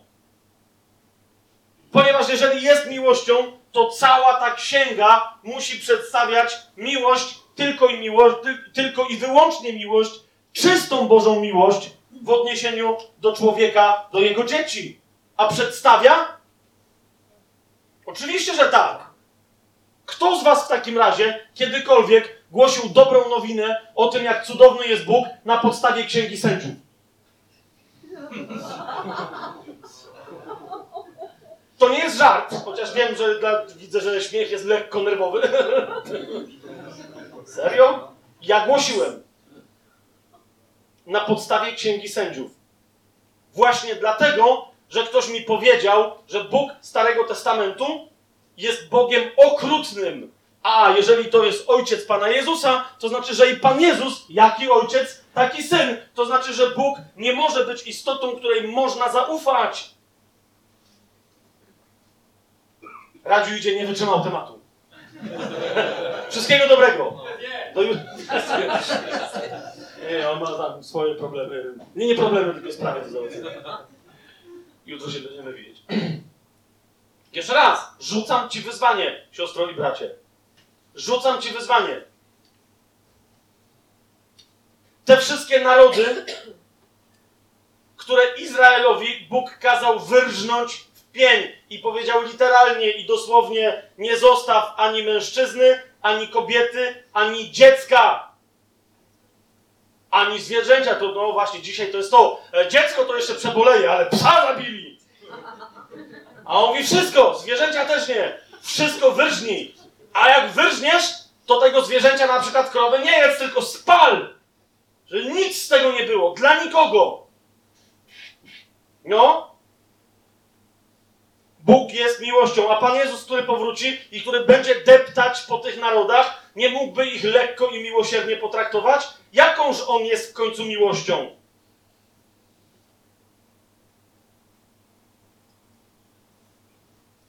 Kochani, jeszcze raz. Czas najwyższy, żebyśmy stanęli na Słowie Bożym, żebyśmy pozwolili wiedzy, która do nas dociera w Duchu Świętym, wynikającej ze Słowa Bożego, żebyśmy się pozwolili tej wiedzy przeniknąć i żeby ta wiedza, nie to, co nam świat głosi, albo właśnie to, co my sobie czasem głosimy, przebąkując coś po kątach i w kuluarach, żebyśmy wreszcie się od tego odcięli, a pozwolili sobie głosić Słowo Boże Słowu Bożemu, Duchowi Świętemu, żeby nam zaczął głosić Słowo Boże, czytać to Słowo Boże z w pełni otwartym umysłem, gotowym, żeby wreszcie się uczyć. Pan Jezus powiedział, że kiedy przyjdzie Duch Święty, co powiedział? On wam wszystko przypomni, co wam mówiłem, i on was dopiero wszystkiego nauczy. Kapujecie? A wielu bierze Pismo Święte, sami się uczą, a potem mówią: Przyjdź Duchu Święty, niech cię sprawdzę. Bo Duch Święty według niektórych też może mieć fałszywe nauczanie, wiecie o tym. Ale nie wiadomo. Trzeba go sprawdzić. Ja wiem lepiej niż Duch Święty. Otóż, kochani, nie ma żadnej różnicy i to chcę jasno tu dzisiaj ogłosić. Pokażę wam tylko jeden z fragmentów, w których Bóg o tym mówi bardzo wyraźnie. Nie ma żadnej różnicy wizerunkowej między Bogiem Starego Testamentu a Bogiem Nowego Testamentu. To jest jeden i ten sam Bóg, który jest miłością. Nie ma żadnej różnicy.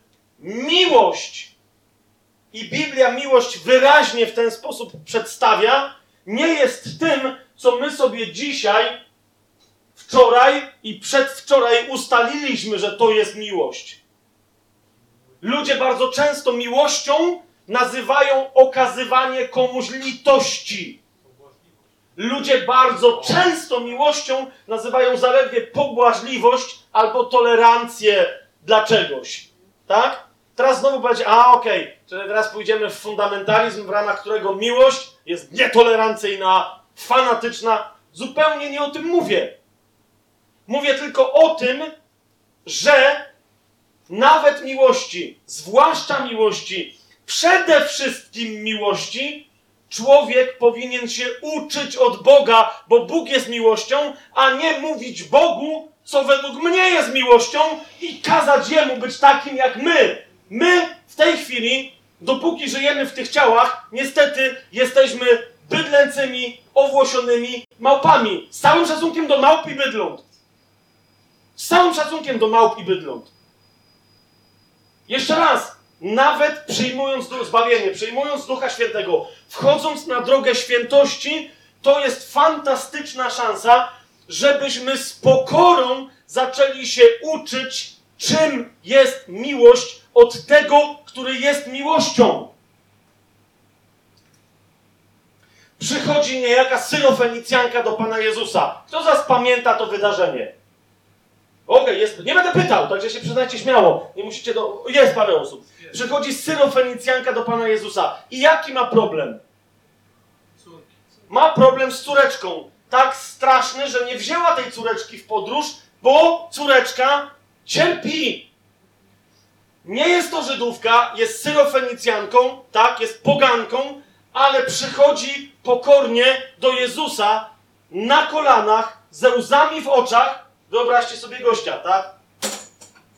Ja jestem Pan Jezus teraz. Z całym szacunkiem znowu do Pana Jezusa. Ale ja jestem teraz Pan Jezus. Obczaj to. Ktoś z Was chciałby zademonstrować syrofenicjankę?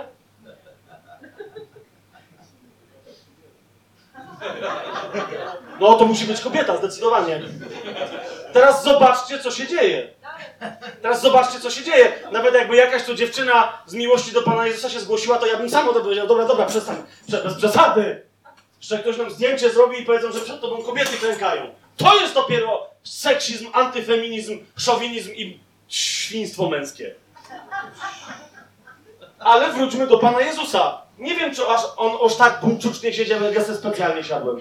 Ale siedział, leżał, nieważne co on robił, przyszła do niego syrofenicjanka, ze łzami w oczach, padła przed nim i poprosiła go, żeby jej pomógł. Co jej Jezus powiedział? Spojrzał na nią i powiedział: Nie jest dobrze brać chleb dzieciom i rzucać psom.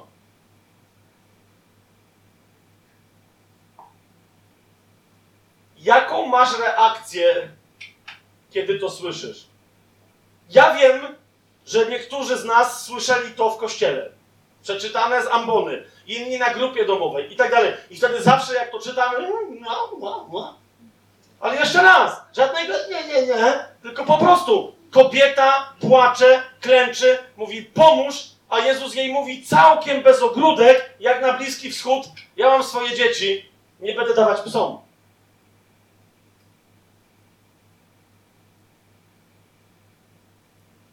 Kto z was, kto z nas, bo ja sam się zastanawiam nad sobą, nie chcę tutaj cwaniakować, kto z nas postąpiłby w taki sposób?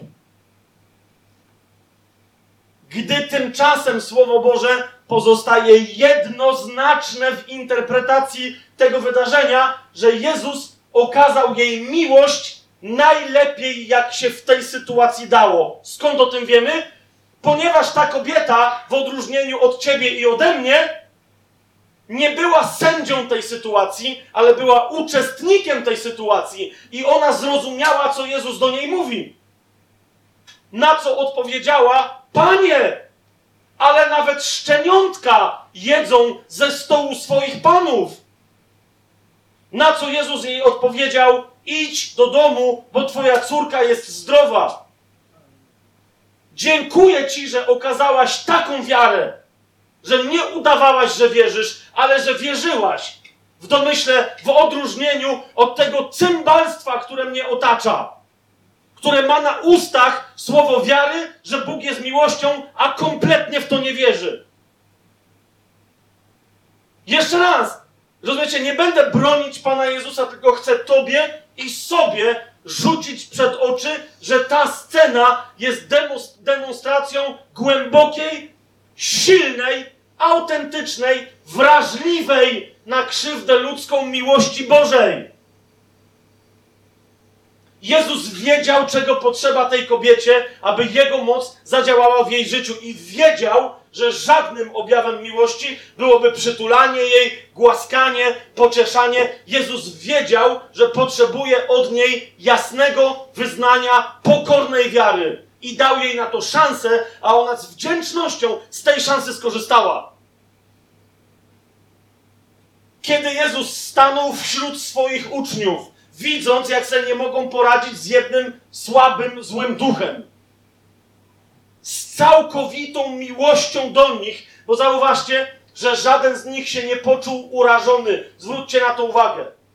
Z całkowitą miłością do nich powiedział: Jak długo jeszcze mam was cierpieć? Bo przychodzi taki moment, kiedy miłość musi pokazać, że się niecierpliwi. Czy rozumiesz, co mówię do ciebie?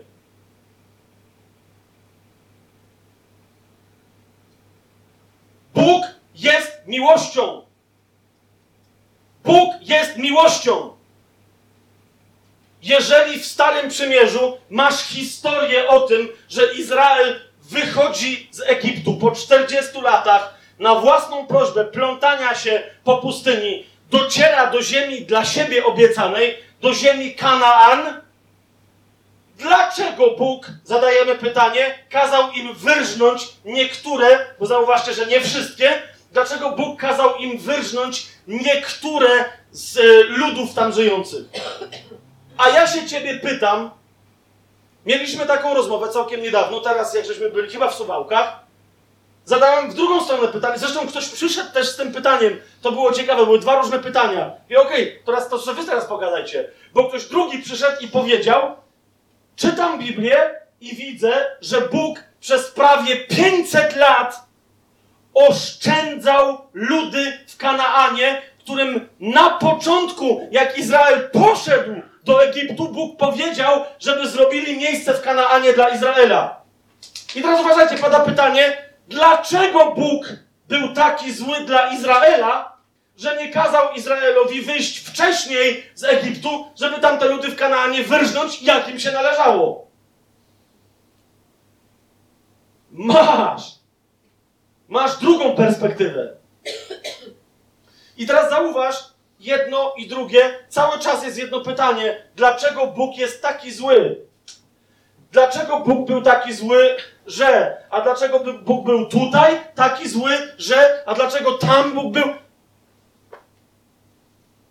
I cały czas nie widzisz drugiej strony, która de facto cały czas jest tylko jedną, jedyną stroną Bożej cierpliwości, Bożego miłosierdzia, Bożej cierpliwości, która bardzo często wobec ludzkości w tych wiekach, w których my jeszcze żyjemy, jest najczęstszym przejawem boskiej miłości wobec nas. Otwórzmy sobie Księgę Objawienia na chwilę, bo byliśmy w tym Izajaszu, ale Księgę Objawienia sobie otwórzcie na chwilę. Byliśmy, przez chwilę przelatując. Zaraz tam wrócimy.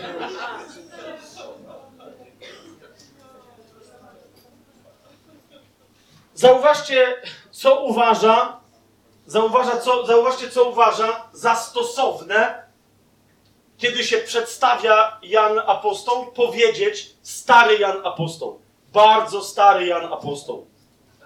On już ma gdzieś w okolicach 80, 90, niektórzy powiadają, że może nawet około 100 lat, ponieważ naprawdę Jan żył bardzo długo.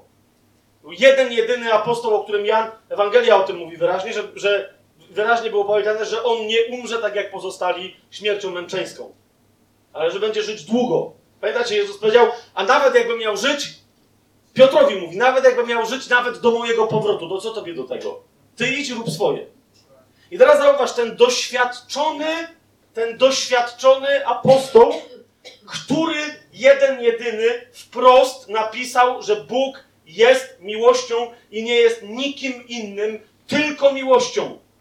Tenże Jan, ten Jan, który mówi, że rozpoznaje się uczniów Chrystusa tylko i wyłącznie po miłości wzajemnej, jaką dla siebie mają, że są gotowi jeden za drugiego, jedna za drugą umrzeć i tę samą miłość mają nawet dla niewierzących.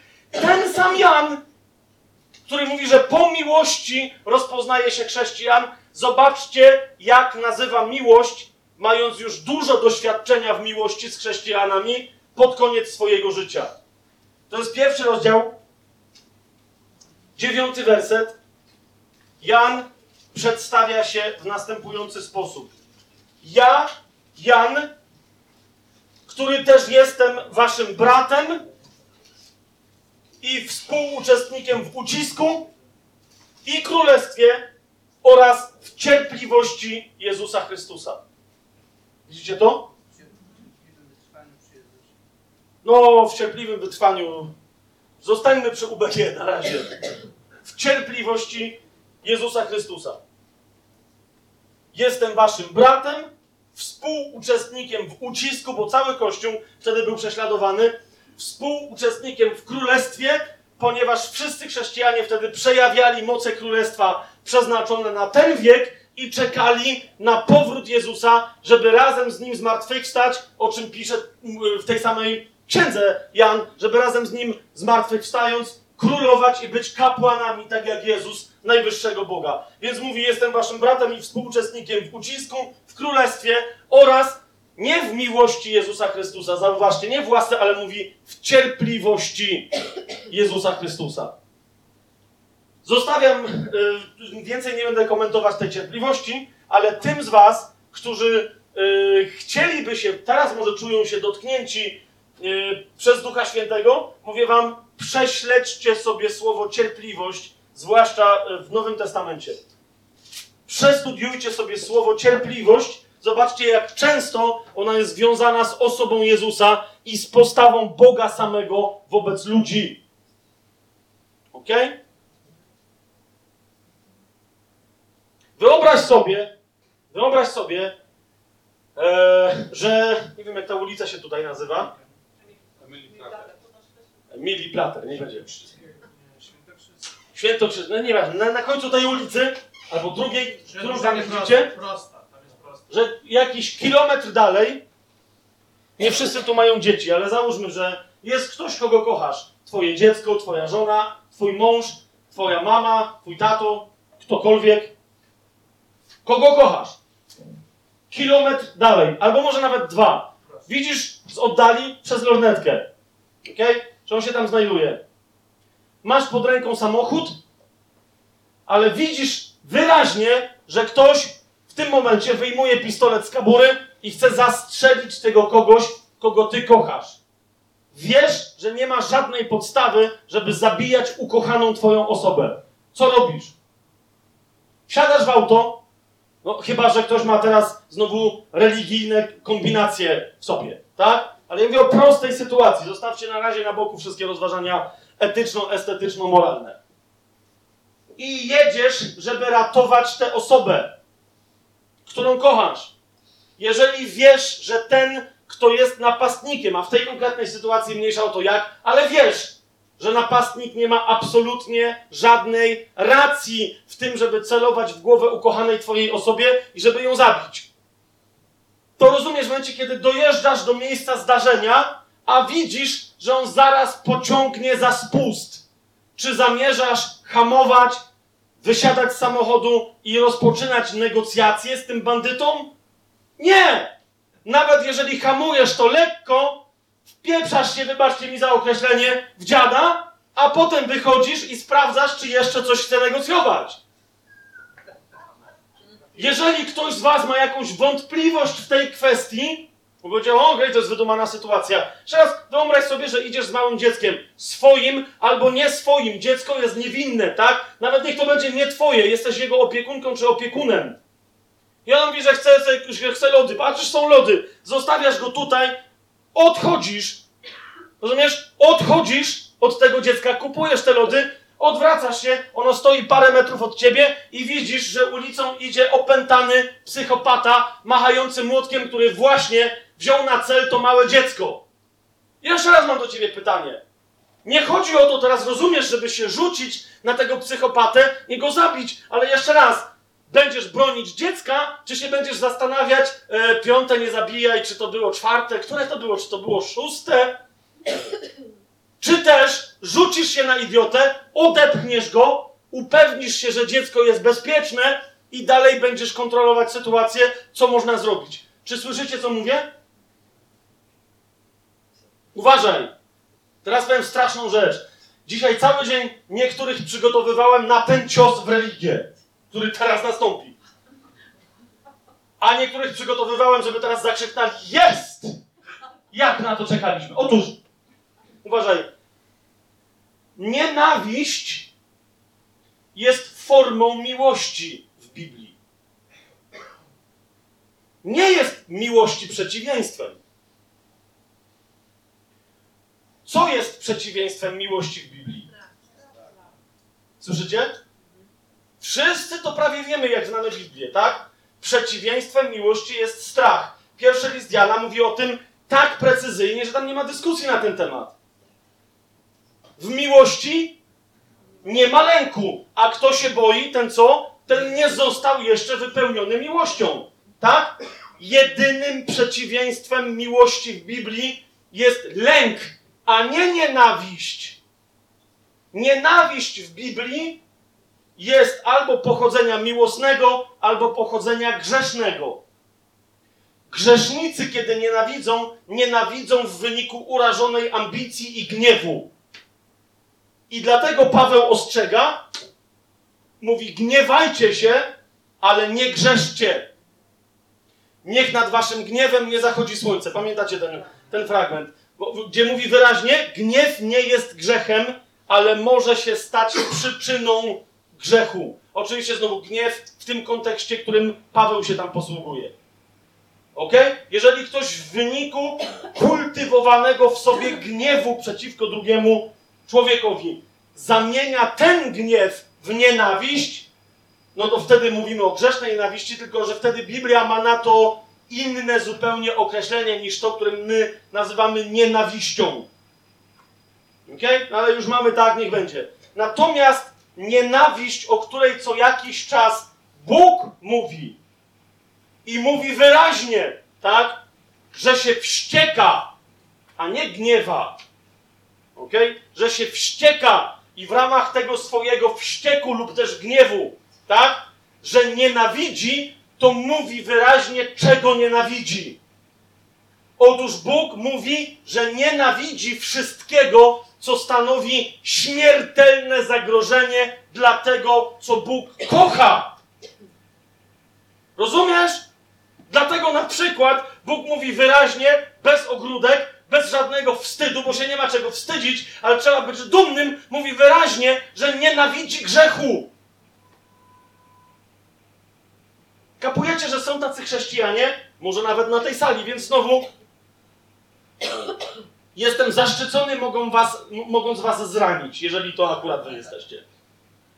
Są tacy chrześcijanie, którzy mówią, nienawiść sama z siebie to jest straszne uczucie, tak jakby gdzieś w Biblii było powiedziane, że nienawiść to jest uczucie, to jest kolejna rzecz, a nie postawa, którą się wybiera z rozmysłem.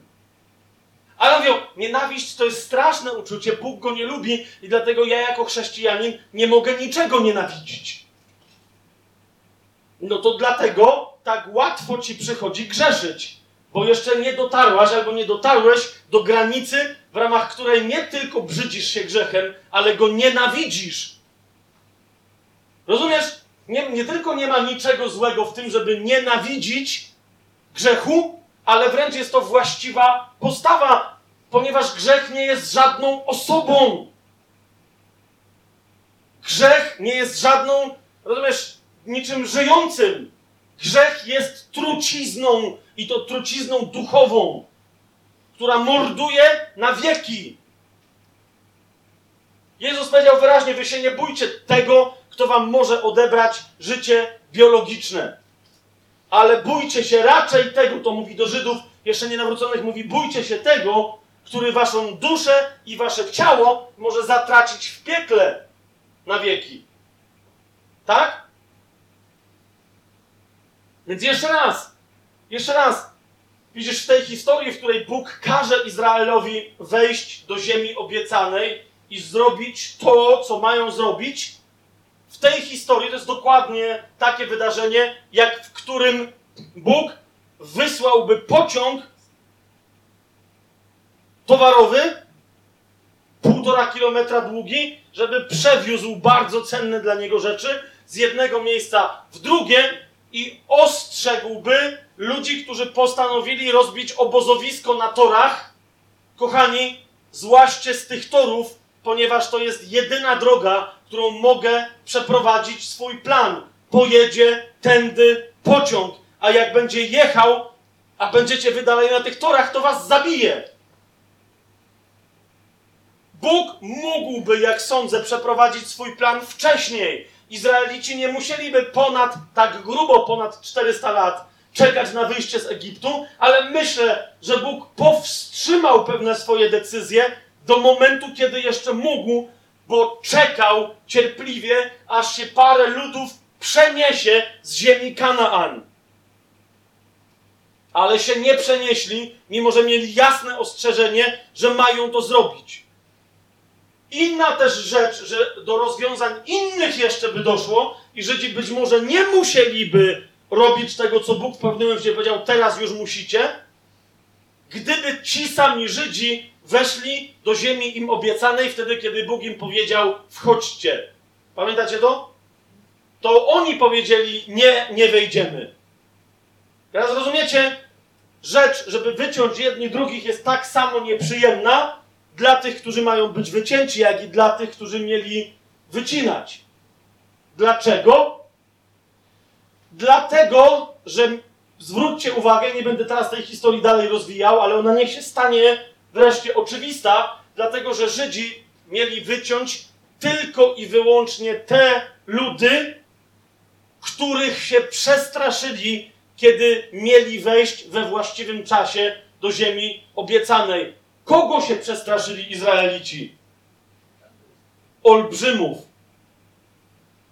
Jeszcze raz, nie słuchajcie tego, co mówi świat, co jest w Biblii napisane, że biednych ludzi z ich biednymi żonami i z ich biednymi dziećmi Izrael miał powycinać. Ale te narody, które są wyraźnie naznaczone, to są te narody, które miały owo skażenie genetyczne, które wręcz spowodowało potop.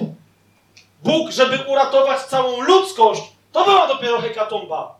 Sprowadził potop na ziemię. Zobaczcie, jakie jest wyjaśnienie potopu w ustach Bożych. Że został na całej ziemi już tylko jeden, jedyny człowiek, nawet nie jego żona, nawet nie jego synowie, bo jego żona już nie była czysta, i tym bardziej nie ich żony, ale jeden, jedyny człowiek, czyli Noe, który pozostał ostatnim, że się tak wyrażę, zasobnikiem czystości duchowej i fizycznej. Przecież jeszcze raz, przeczytajcie wyraźnie, o czym Biblia mówi. Tak? Bóg sprowadził potop na ziemię, nie żeby kogoś mordować, ale żeby kogoś ratować. Bóg sprowadził potop na ziemię, żeby uratować ludzkość, a nie żeby ukarać ludzkość. Ok? To, że ludzkość w pewnym momencie wlazła na tory naprzeciwko jadącego pociągu, to jest problem ludzkości, a nie Boga. I tak Bóg cierpliwie czekał, czy jeszcze damy mu szansę. I tak mu ludzkość dała szansę, że został ostatni człowiek na ziemi, który był czystym człowiekiem. Rozumiecie? I stąd potop. Bóg już nie mógł dłużej czekać.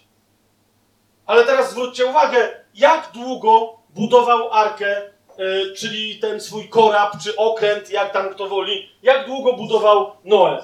Dzień? Dwa? Lata to trwało. Cały wiek. I teraz kapujecie, niektórzy mówią, ale to jest niesprawiedliwe, Bóg uratował tylko osiem osób. Powiedzcie mi, czy gdyby w ciągu tych stu lat czy gdyby ktoś przyszedł i powiedział, co prawda nigdy w życiu nikt nie widział na świecie żadnego deszczu, bo zwróćcie uwagę, że my cały czas rozważamy kwestię przedpotopowego okresu jako świat taki sam jak nasz, a zauważcie, że w tym świecie nie było deszczu. Tak? Więc teraz wyobraźcie sobie, wychodzi yy, Noe i mówi, słuchajcie, będzie lała woda z nieba. I wszyscy mówią, stary, ale do nas normalnie to było dobre, no nie? Teraz wyobraźcie sobie, to to jest tak, jakby ktoś powiedział, słuchajcie, kupujcie ziemię na głębokości 100, 200, 300 metrów, kilometra w oceanie spokojnym i w innych miejscach. Kupujcie ziemię, bo kiedyś to wyparuje. I my się zapytamy, ty, ale kiedy? I on mówi, normalnie poleci woda do nieba za najdalej za 100 lat. Także jak nie dla ciebie, to dla twoich dzieci albo dla twoich wnuków będzie jak znalazł. Rozumiesz, zaklep se teraz, masz cały, rozumiesz, teren wielkości kontynentu. No, no czujecie, co ja gadam teraz? To jest tak, kto by uwierzył, tak jasne, mhm, będzie woda leciała do nieba. To rozumiesz, oni mieli ten sam problem, że woda będzie leciała z nieba. No, no i co, spadnie z nieba i on mówi, zaleje całą ziemię. Tak, mhm, jasne. Fajnie masz. A to, co robicie? To coś będzie się unosiło na tych wodach, które się zrobią. Uuu. Mhm. Był taki gość w XIX wieku, nawiasem mówiąc, znowu nie chcę urazić prezbiterian, ale biskup prezbiteriański, który powiedział, że wszystkie odkrycia naukowe ludzkość ma już za sobą. W XIX wieku. I powiedział, że to już jest tyle, to już się nic nie da wymyślić. My teraz możemy tylko pewne wynalazki doskonalić, ale to już nic nie będzie nowego. I kiedyś podczas jednej debaty, to jest autentyk, sprawdźcie co sobie potem sami. Pod, podczas jednej debaty ktoś go zapytał, tego biskupa, który był też uczonym, bo to jest istotne, że to był biskup, ale to był też uczony angielski. Ktoś go zapytał, "Wi- słuchaj, a, a na przykład latać, jeszcze ludzie nie latają. I on odpowiedział, że to jest niemożliwe. Że y, i wynika to z badań naukowych, ale również z oczywistej intuicji biblijnego chrześcijanina, że gdyby Bóg chciał, żeby ludzie unosili się w powietrzu dłużej niż chwilę, to by im dał skrzydła. Na co ktoś zapytał, że no zawsze ludzie mogą właśnie wymyślić sztuczne skrzydła, żeby się na nich unosić i powiedział, że nie będzie rozmawiać z głupkami. Biskup nazywał się Wright. I tak, to był ten Wright, którego synowie zbudowali pierwszy samolot. Naprawdę. Naprawdę. Naprawdę. Naprawdę, po prostu. Rozumiecie? Jego właśnie synowie, no już po prostu ironia, odlot. Jego osobiści synowie słuchali i mówili, ciekawe ta, ta rzeczy gada. Chyba ma rację, spróbujmy. Udowodnijmy całemu światu, że tata ma rację. Bach, polecieli. O kurde. Więc mamy Noego. Rozumiesz, to jest nieprawda. Czytajcie dokładnie Biblię i zobaczycie. To jest nieprawda, że Bóg nie chciał na arce nikogo więcej. Ale tam, kiedy mówi o tych ośmiu duszach, to jest wyraźnie, wyraźnie po hebrajsku zaznaczone tych, którzy już w tej chwili są, bo innych nie ma. Tak? Tam jest taka, taka konstrukcja specyficzna, która, która mówi tych z tych. A więc tych, którzy chcą wejść, z tych, którzy by prawdopodobnie mogli, ale nie chcą. Przyszła ostatnia godzina, ostatnia minuta. Myślę, że do ostatniej chwili Noe stał i czekał, czy ktoś przyjdzie. Jeszcze 7 dni nie, padało deszczu. Oczywiście, ale rozumiesz, Bóg mu będzie powiedział, to już jest koniec, tak? I myślę, że Noe tam jeszcze negocjował, tak jak Abraham, pamiętacie go? Zniszczę to miasto, a ten mówi, Boże, ale jakby było 50? Bóg mówi, jak będzie 50 sprawiedliwych, to nie zniszczę. To ja Ci bardzo dziękuję. Także to już tyle, na razie. Chyba, że, bo mam jeszcze taką koncepcję, a jakby było 40, wielkiej różnicy, pamiętacie? Znegocjował do 10 Abraham. Tak? Być może, że Bóg o to mi chodzi, my to, to, to teraz już jest mówię takie pozabiblijne trochę, tak? Ale myślę, że Noe był przynajmniej jak, jeżeli nie równie dobrym, no to gdzieś zbliżonym negocjatorem do Abrahama, tak? Więc on myślę, że negocjował, mówi Boże, ale dajże szansę, no. Jeszcze godzinę, jeszcze będzie, Bóg mówi, dobra, koniec. Zamykaj te drzwi, ponieważ zanim woda spadnie z nieba, A druga rzecz, zwróćcie uwagę, że woda również według Biblii wytrysnęła z podziemi potężnymi gejzerami, które, które uderzyły w niebo i spadły razem z tą wodą z góry na dół, tak? Tam jest bardzo precyzyjnie opisany model atmosferyczny wręcz. Bardzo precyzyjnie. A więc być może o to chodziło, dlatego im kazał wcześniej zamknąć, że zaczną się ruchy tektoniczne, czy co tam, w ramach których cała łódź musi już być zamknięta i, że tak powiem, zaspawana. Wiem. Kochani, to samo jest z tymi ludami, e, które Izraelici mieli wyciąć, tak? Zauważcie, to, są, to nie są ludy, tylko to są rodziny. To, że my sobie to przetłumaczyliśmy jako ludy i to brzmi jakby, wiesz, Izraelici weszli do Rosji i wycięli wszystkich Czeczeńców. No i sobie myślimy, no to fajnie. Tymczasem tam chodziło o usunięcie pewnych rodzin, pewnych, dosłownie należałoby tam przetłumaczyć, rodów. Zauważcie, że my tak samo tłumaczymy, jak tam niektórzy tłumaczą ludy, albo w najlepszym wypadku plemiona. Zauważcie, że my tak samo idiotycznie tłumaczymy rody Izraela jako plemiona. Zauważyliście to? Jest na przykład ród Józefa, Efraima, y, y, y, kogoś tam, tak? Beniamina, Judy. Tak jakby to były, wiecie, jakieś narody. To, że w pewnym momencie te rodziny rozrosły się w dosyć duże rodziny, także można je dzisiaj nazwać takimi małymi narodzikami, na które składa się cała rodzina Izraela, to okej, okay. ale w tamtym czasie miał Jakub, nazwany Izraelem, dwunastu synów, do tego dwóch zaadoptował, bo ich wziął Józefowi, sprawdźcie sobie dokładnie historię, tam zrobili jedną podmiankę, więc mamy dwunastu synów Izraela i tyle. W związku z tym od nich pochodzą co? Rody, tak? Ród Judy, ród Manasesa, ród i tak dalej, i tak dalej, tak? To są rody. I jak się przyjrzycie tym rodom, które miały być wycięte, a nie ludom, więc po pierwsze to nie ma nie wiadomo jakich ilości, to zauważcie na przykład jednym z takich rodów, który nawiasem mówiąc nie został wycięty, to jest ród, którego przedstawiciel w przyszłości walczy z kim? Z Dawidem. Tak? Goliat jest jednym ze swojego rodu, właśnie tych olbrzymów, nieludzkich olbrzymów, którzy wyraźnie bluźnią Bogu i ludziom i niczego się nie boją. I Biblia mówi wyraźnie, że miał ilu braci? Jeszcze. Oprócz niego samego. Czterech. A więc rozumiecie, mieli jakiegoś ojca, może jakąś matkę i ich było pięciu. Jeżeli Bóg powiedział, żeby wyciąć ten ród, to by znaczyło, żeby wyciąć tych siedem postaci. Tak? Jeszcze raz, tylko i wyłącznie dlatego, że dalej ośmielili się stać nie w tym miejscu, w którym Bóg chciał sobie z nimi jakoś poradzić dla ich dobra. Jeżeli chcemy się zabierać za osądzanie Boga, to jeszcze raz, zróbmy to uczciwie i sprawiedliwie. Przeczytaj całą historię, zobacz, co się tam dzieje i zobacz, jak na, nawet dla tych ludzi, co do których wielu dzisiaj, myślę, że całkiem słusznie ma wątpliwość, czy de facto byli ludźmi, a nie jakiegoś rodzaju dziwnymi hybrydami, dla nich również Bóg ma rozwiązanie. Ale w momencie, kiedy rozumiesz, dwie, czy trzy, czy cztery siły ludzkie koniecznie dążą do konfrontacji i idą na starcie, wówczas Bóg mówi: zdecyduje przeciwko tobie, a nie za tobą. Zdecyduje przeciwko tobie, a nie za tobą. Jeszcze jedną rzecz wam podam, zauważcie, kiedy jesteśmy w tej logice. Jak wiele fragmentów, nawet niuansów w Biblii, jak nam się rozjaśnia. Goliat, jeszcze raz, ilu miał braci? Czterech. Czyli z Goliatem było ich ilu? Ile kamieni wziął ze sobą Dawid na walkę? Słyszycie?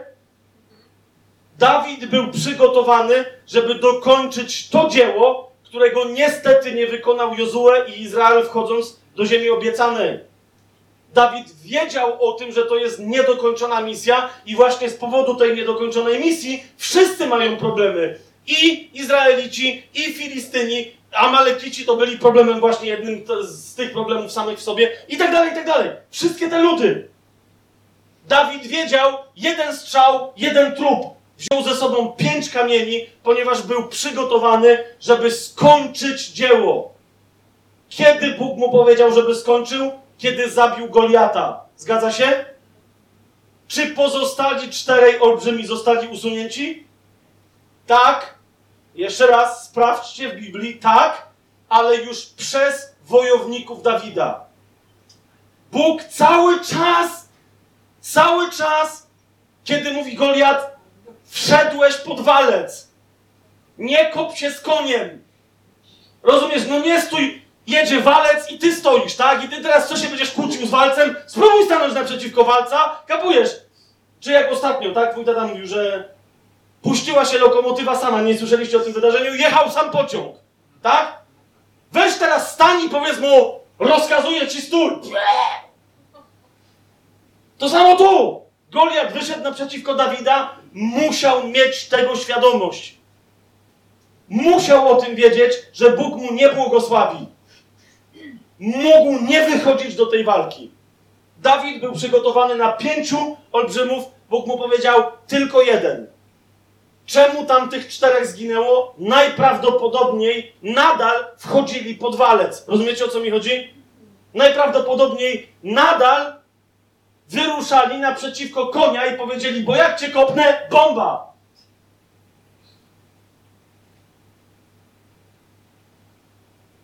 Boża miłość wobec ciebie i wobec mnie wyraża się w cierpliwości.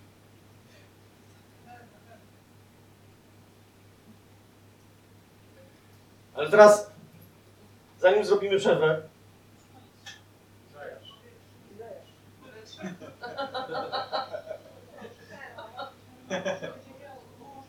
przerażająca informacja na temat tego, jakie konsekwencje dla nas ma to, że Bóg jest miłością.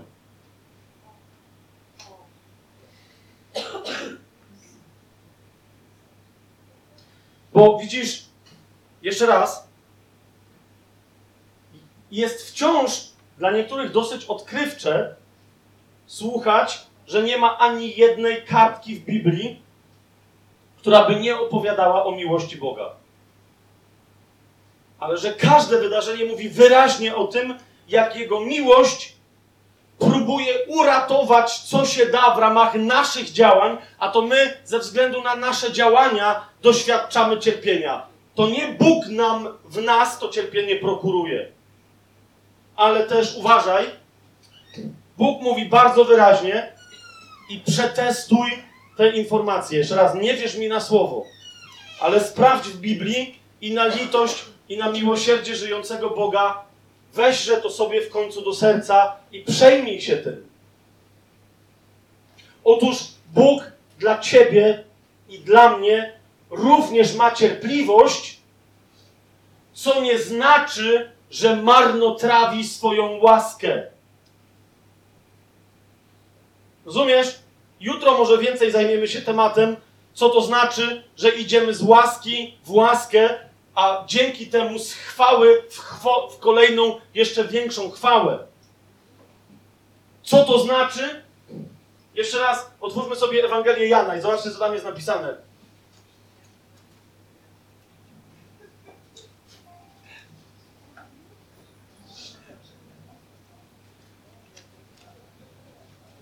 To jest Ewangelia Jana, pierwszy rozdział, szesnasty werset. Łaską jesteśmy zbawieni przez wiarę. Zgadza się? Jeżeli ktoś z Was, mówię teraz do zbawionych, jeżeli ktoś z nas dalej żyje według tej samej łaski, którą został zbawiony, to już dawno Bóg powinien nami się zająć, tymi, tymi którzy żyją tą samą łaską, żeby nas przebudzić żebyśmy się wreszcie ocknęli i zaczęli korzystać z kolejnej łaski. Zobaczcie rozdział pierwszy Ewangelii Jana, 16 werset.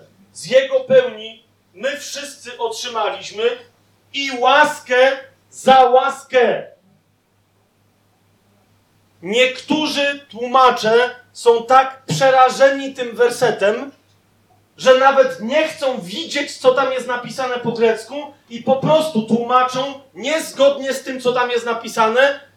Dzięki, uwaga, czytam teraz, z Jego pełni wszyscy otrzymaliśmy łaskę po łasce.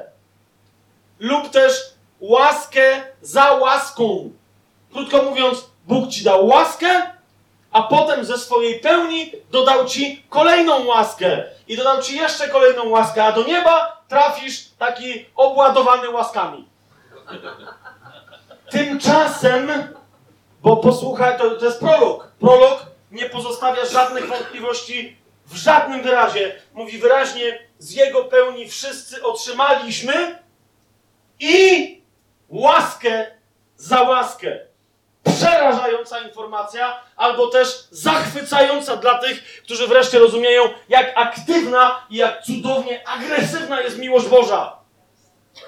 Bóg każdego dnia, a każdego dnia, każdej godziny, a każdego dnia bywa, że wręcz każdej minuty przychodzi dla ciebie z propozycją wymiany łaski, na której właśnie stoisz, dzięki której żyjesz, na mocy której działasz, na inną, jeszcze lepszą łaskę.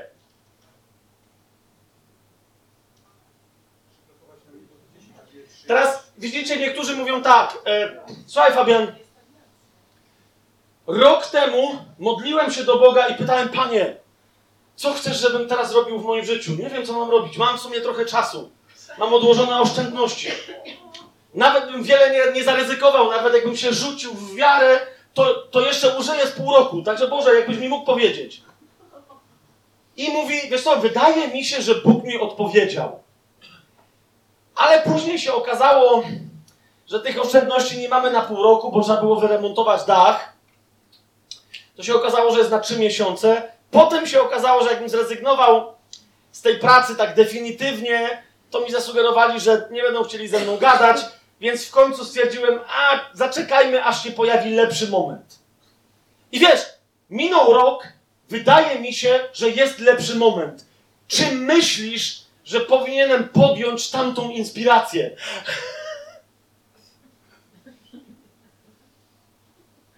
Pytanie do ciebie. Co myślisz? Widzisz, chodzi o to, że ten gość przynajmniej na tyle był trzeźwy, że, bo dostał porady od mądrych ludzi, biblijnie wierzących, którzy powiedzieli: Oczywiście, ile jeszcze Bóg ma na ciebie czekać? Moje pytanie brzmiało raczej: A czy Bóg jeszcze raz powiedział ci, że propozycja sprzed roku jest dalej aktualna?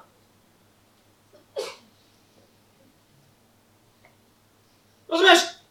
Zacznijmy to my wreszcie rozumieć, zacznijmy to my wreszcie rozumieć, że kiedy Bóg do nas przychodzi, bo mówimy, Boże, przyjdź, objaw swoją moc, daj nam znaki, daj nam cuda, pokaż nam swoją łaskę. W momencie, kiedy tak mówisz, Bóg natychmiast odpowiada na Twoje wezwanie. Rozumiesz? Jak tak mówisz, to bądź odpowiedzialna i bądź odpowiedzialny za swoje słowa. Oczekuj Bożej odpowiedzi. Jesteś w domu i mówisz, Boże, daj mi znaki. Ale jeszcze raz, czekaj na Jego odpowiedź. Bo niektórzy mówią, Boże, znaki cuda, znaki cuda, ale w domyśle mają takie didaskalia, oczywiście pod warunkiem, że to będzie dzisiaj wieczorem na spotkaniu naszego kościoła lub w niedzielę na nabożeństwie. Nie jak będę w biurze. Jak mówisz Bogu, a nie dodajesz całej tej reszty, Bóg wie, że nie dodajesz tej reszty, ale Bóg jest Bogiem. Ty masz chodzić za Nim, a nie On za Tobą. Za każdym razem, jak ktoś powiedział, Boże, idź za mną, jak Piotr powiedział, Jezu, idź za mną, nie, nie przyjdzie na Ciebie to, co Tobie powiedziałeś, że przyjdzie, to co mu odpowiedział? Stań sobie za mną, szatanie. Jest dokładnie po grecku powiedziane. Stań sobie za mną i idź za mną, bo ja nie chodzę za nikim. Nie tłumacz mi, gdzie mam pójść, bo idę tam, gdzie wiem, że mam pójść, a ty idź za mną. A więc rozumiesz, modlisz się rano w ciągu dnia, być może w drodze do pracy, być może odwożąc dziecko z powrotem z przedszkola po południu, masz szansę, żeby coś się stało. Bóg ci daje szansę, ale ty w tym momencie mówisz, no trochę jest niestosowna pora, to nie, to chyba nie było od Boga. I mija cały dzień i myślisz sobie, Bóg nie odpowiedział. Następnego dnia znowu, Boże, znaki, cuda, mm, moc, ala, la, la, la, la. Jeszcze raz. Czy myślisz, że następnego dnia Bóg ci da tę samą szansę? Nie. Bóg przyjdzie z następną łaską. Tak, no, mieliśmy kiedyś taką sytuację z Madzią. E, już się dużo rzeczy w ciągu dnia działo. Ja już byłem dosyć zmęczony. Wracaliśmy do domu, mijaliśmy jakąś taką panią, e, pamiętasz taką, taką strasznie zgarbioną, e, nie wiem tam o co to chodziło wtedy, i Madzia nagle mówi, zatrzymaj się.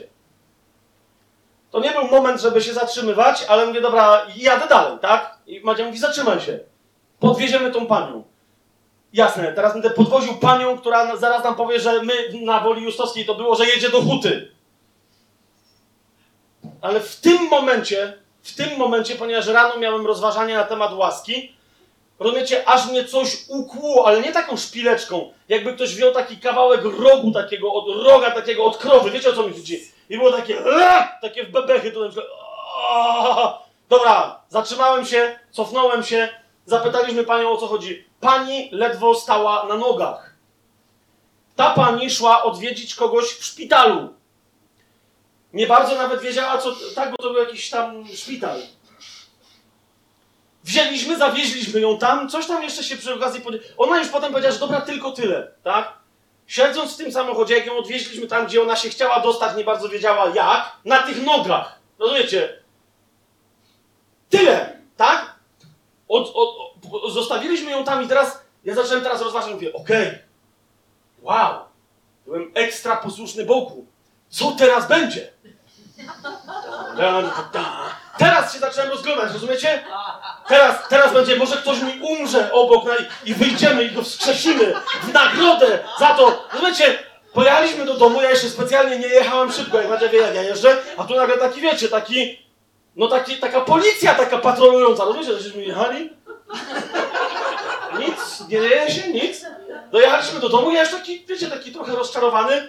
Wie, Boże, yy, może nie pójdziemy do tego domu, tylko będę czekał, może ktoś zadzwoni, coś się dzieje, tak? I Bóg mi odpowiedział, to już było to. To już było to. Kto mi będzie wierny w rzeczach małych, tego dopiero nad wielkimi postawię. Słyszycie? Ale teraz uważaj. Teraz uważaj. Straszna prawda. I mówię ją nie po to, żeby ciebie albo mnie straszyć, ale tak jest.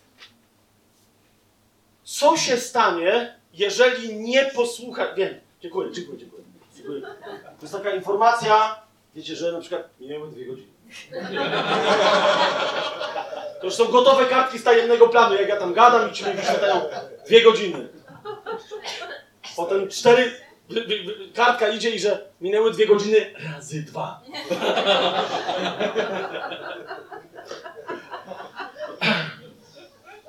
Jest też kartka, że minęło półtorej, więc jest czasem kartka minęły dwie godziny i minęło półtorej godziny.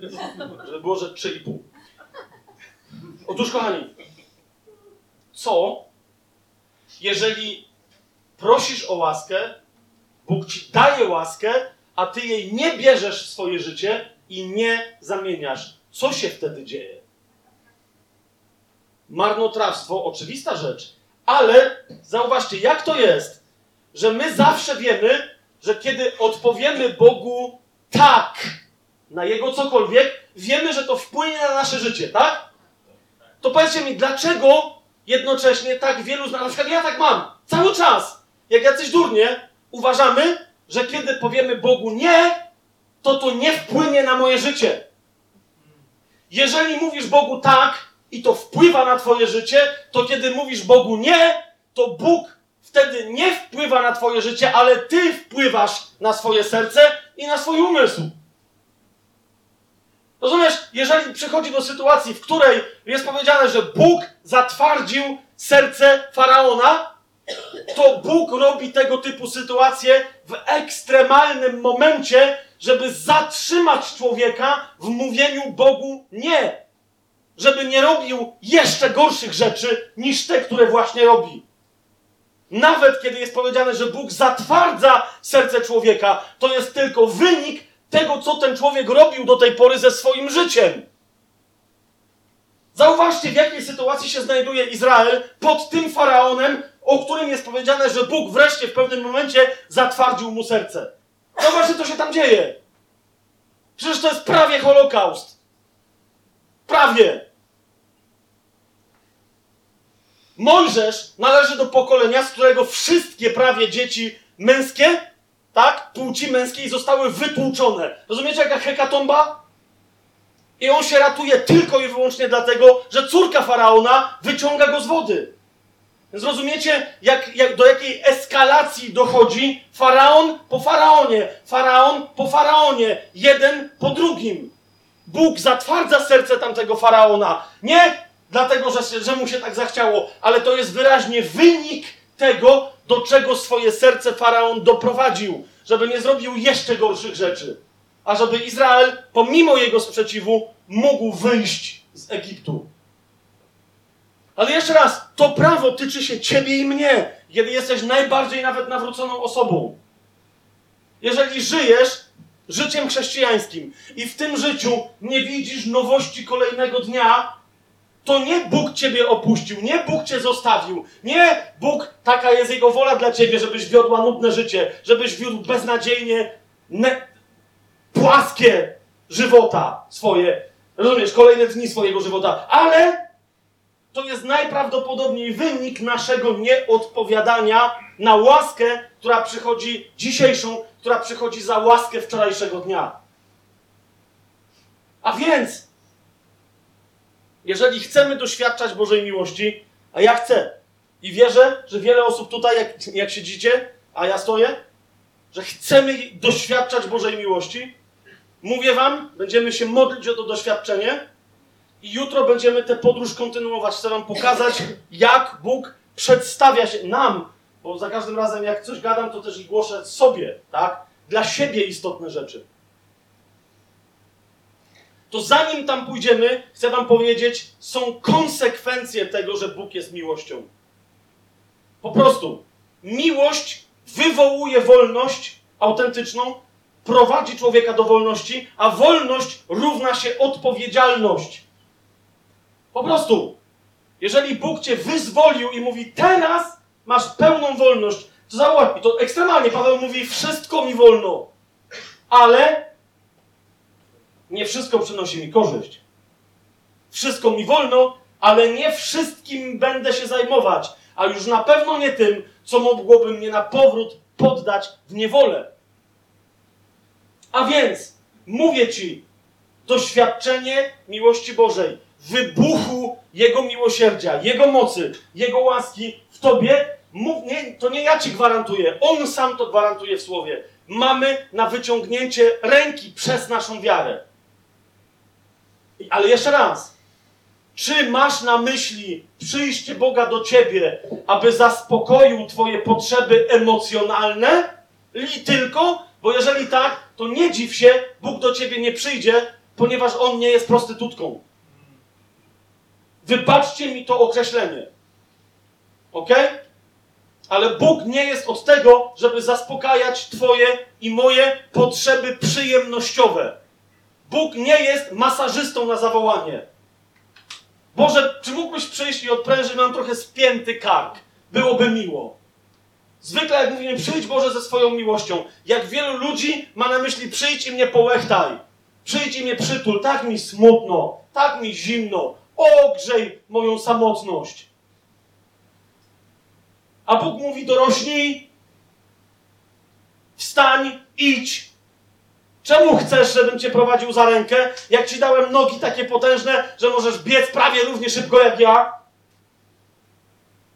Bóg mówi, przyjdę i dam ci doświadczenie miłości, które cię zerwie do lotu, ale leć!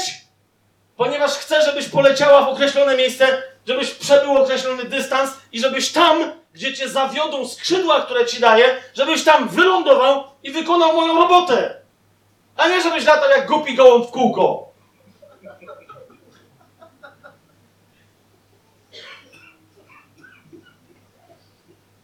Bądź raczej jak mądra gołębica. Gołębice nigdy nie latają jak głupie. Zawsze mają jakieś zakupy do wykonania i inne sprawy.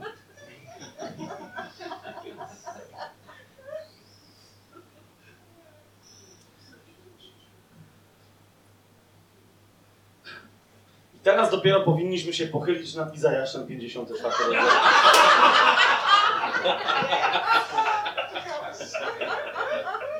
Ale to była łaska dzisiejszego dnia, której nie podniosłem. Miejmy nadzieję, że jutro Bóg nam podnieść da tę łaskę, jak nie to będzie inna. Dzisiaj, teraz myślę, że y, całkiem swobodnie możemy ogłosić koniec dnia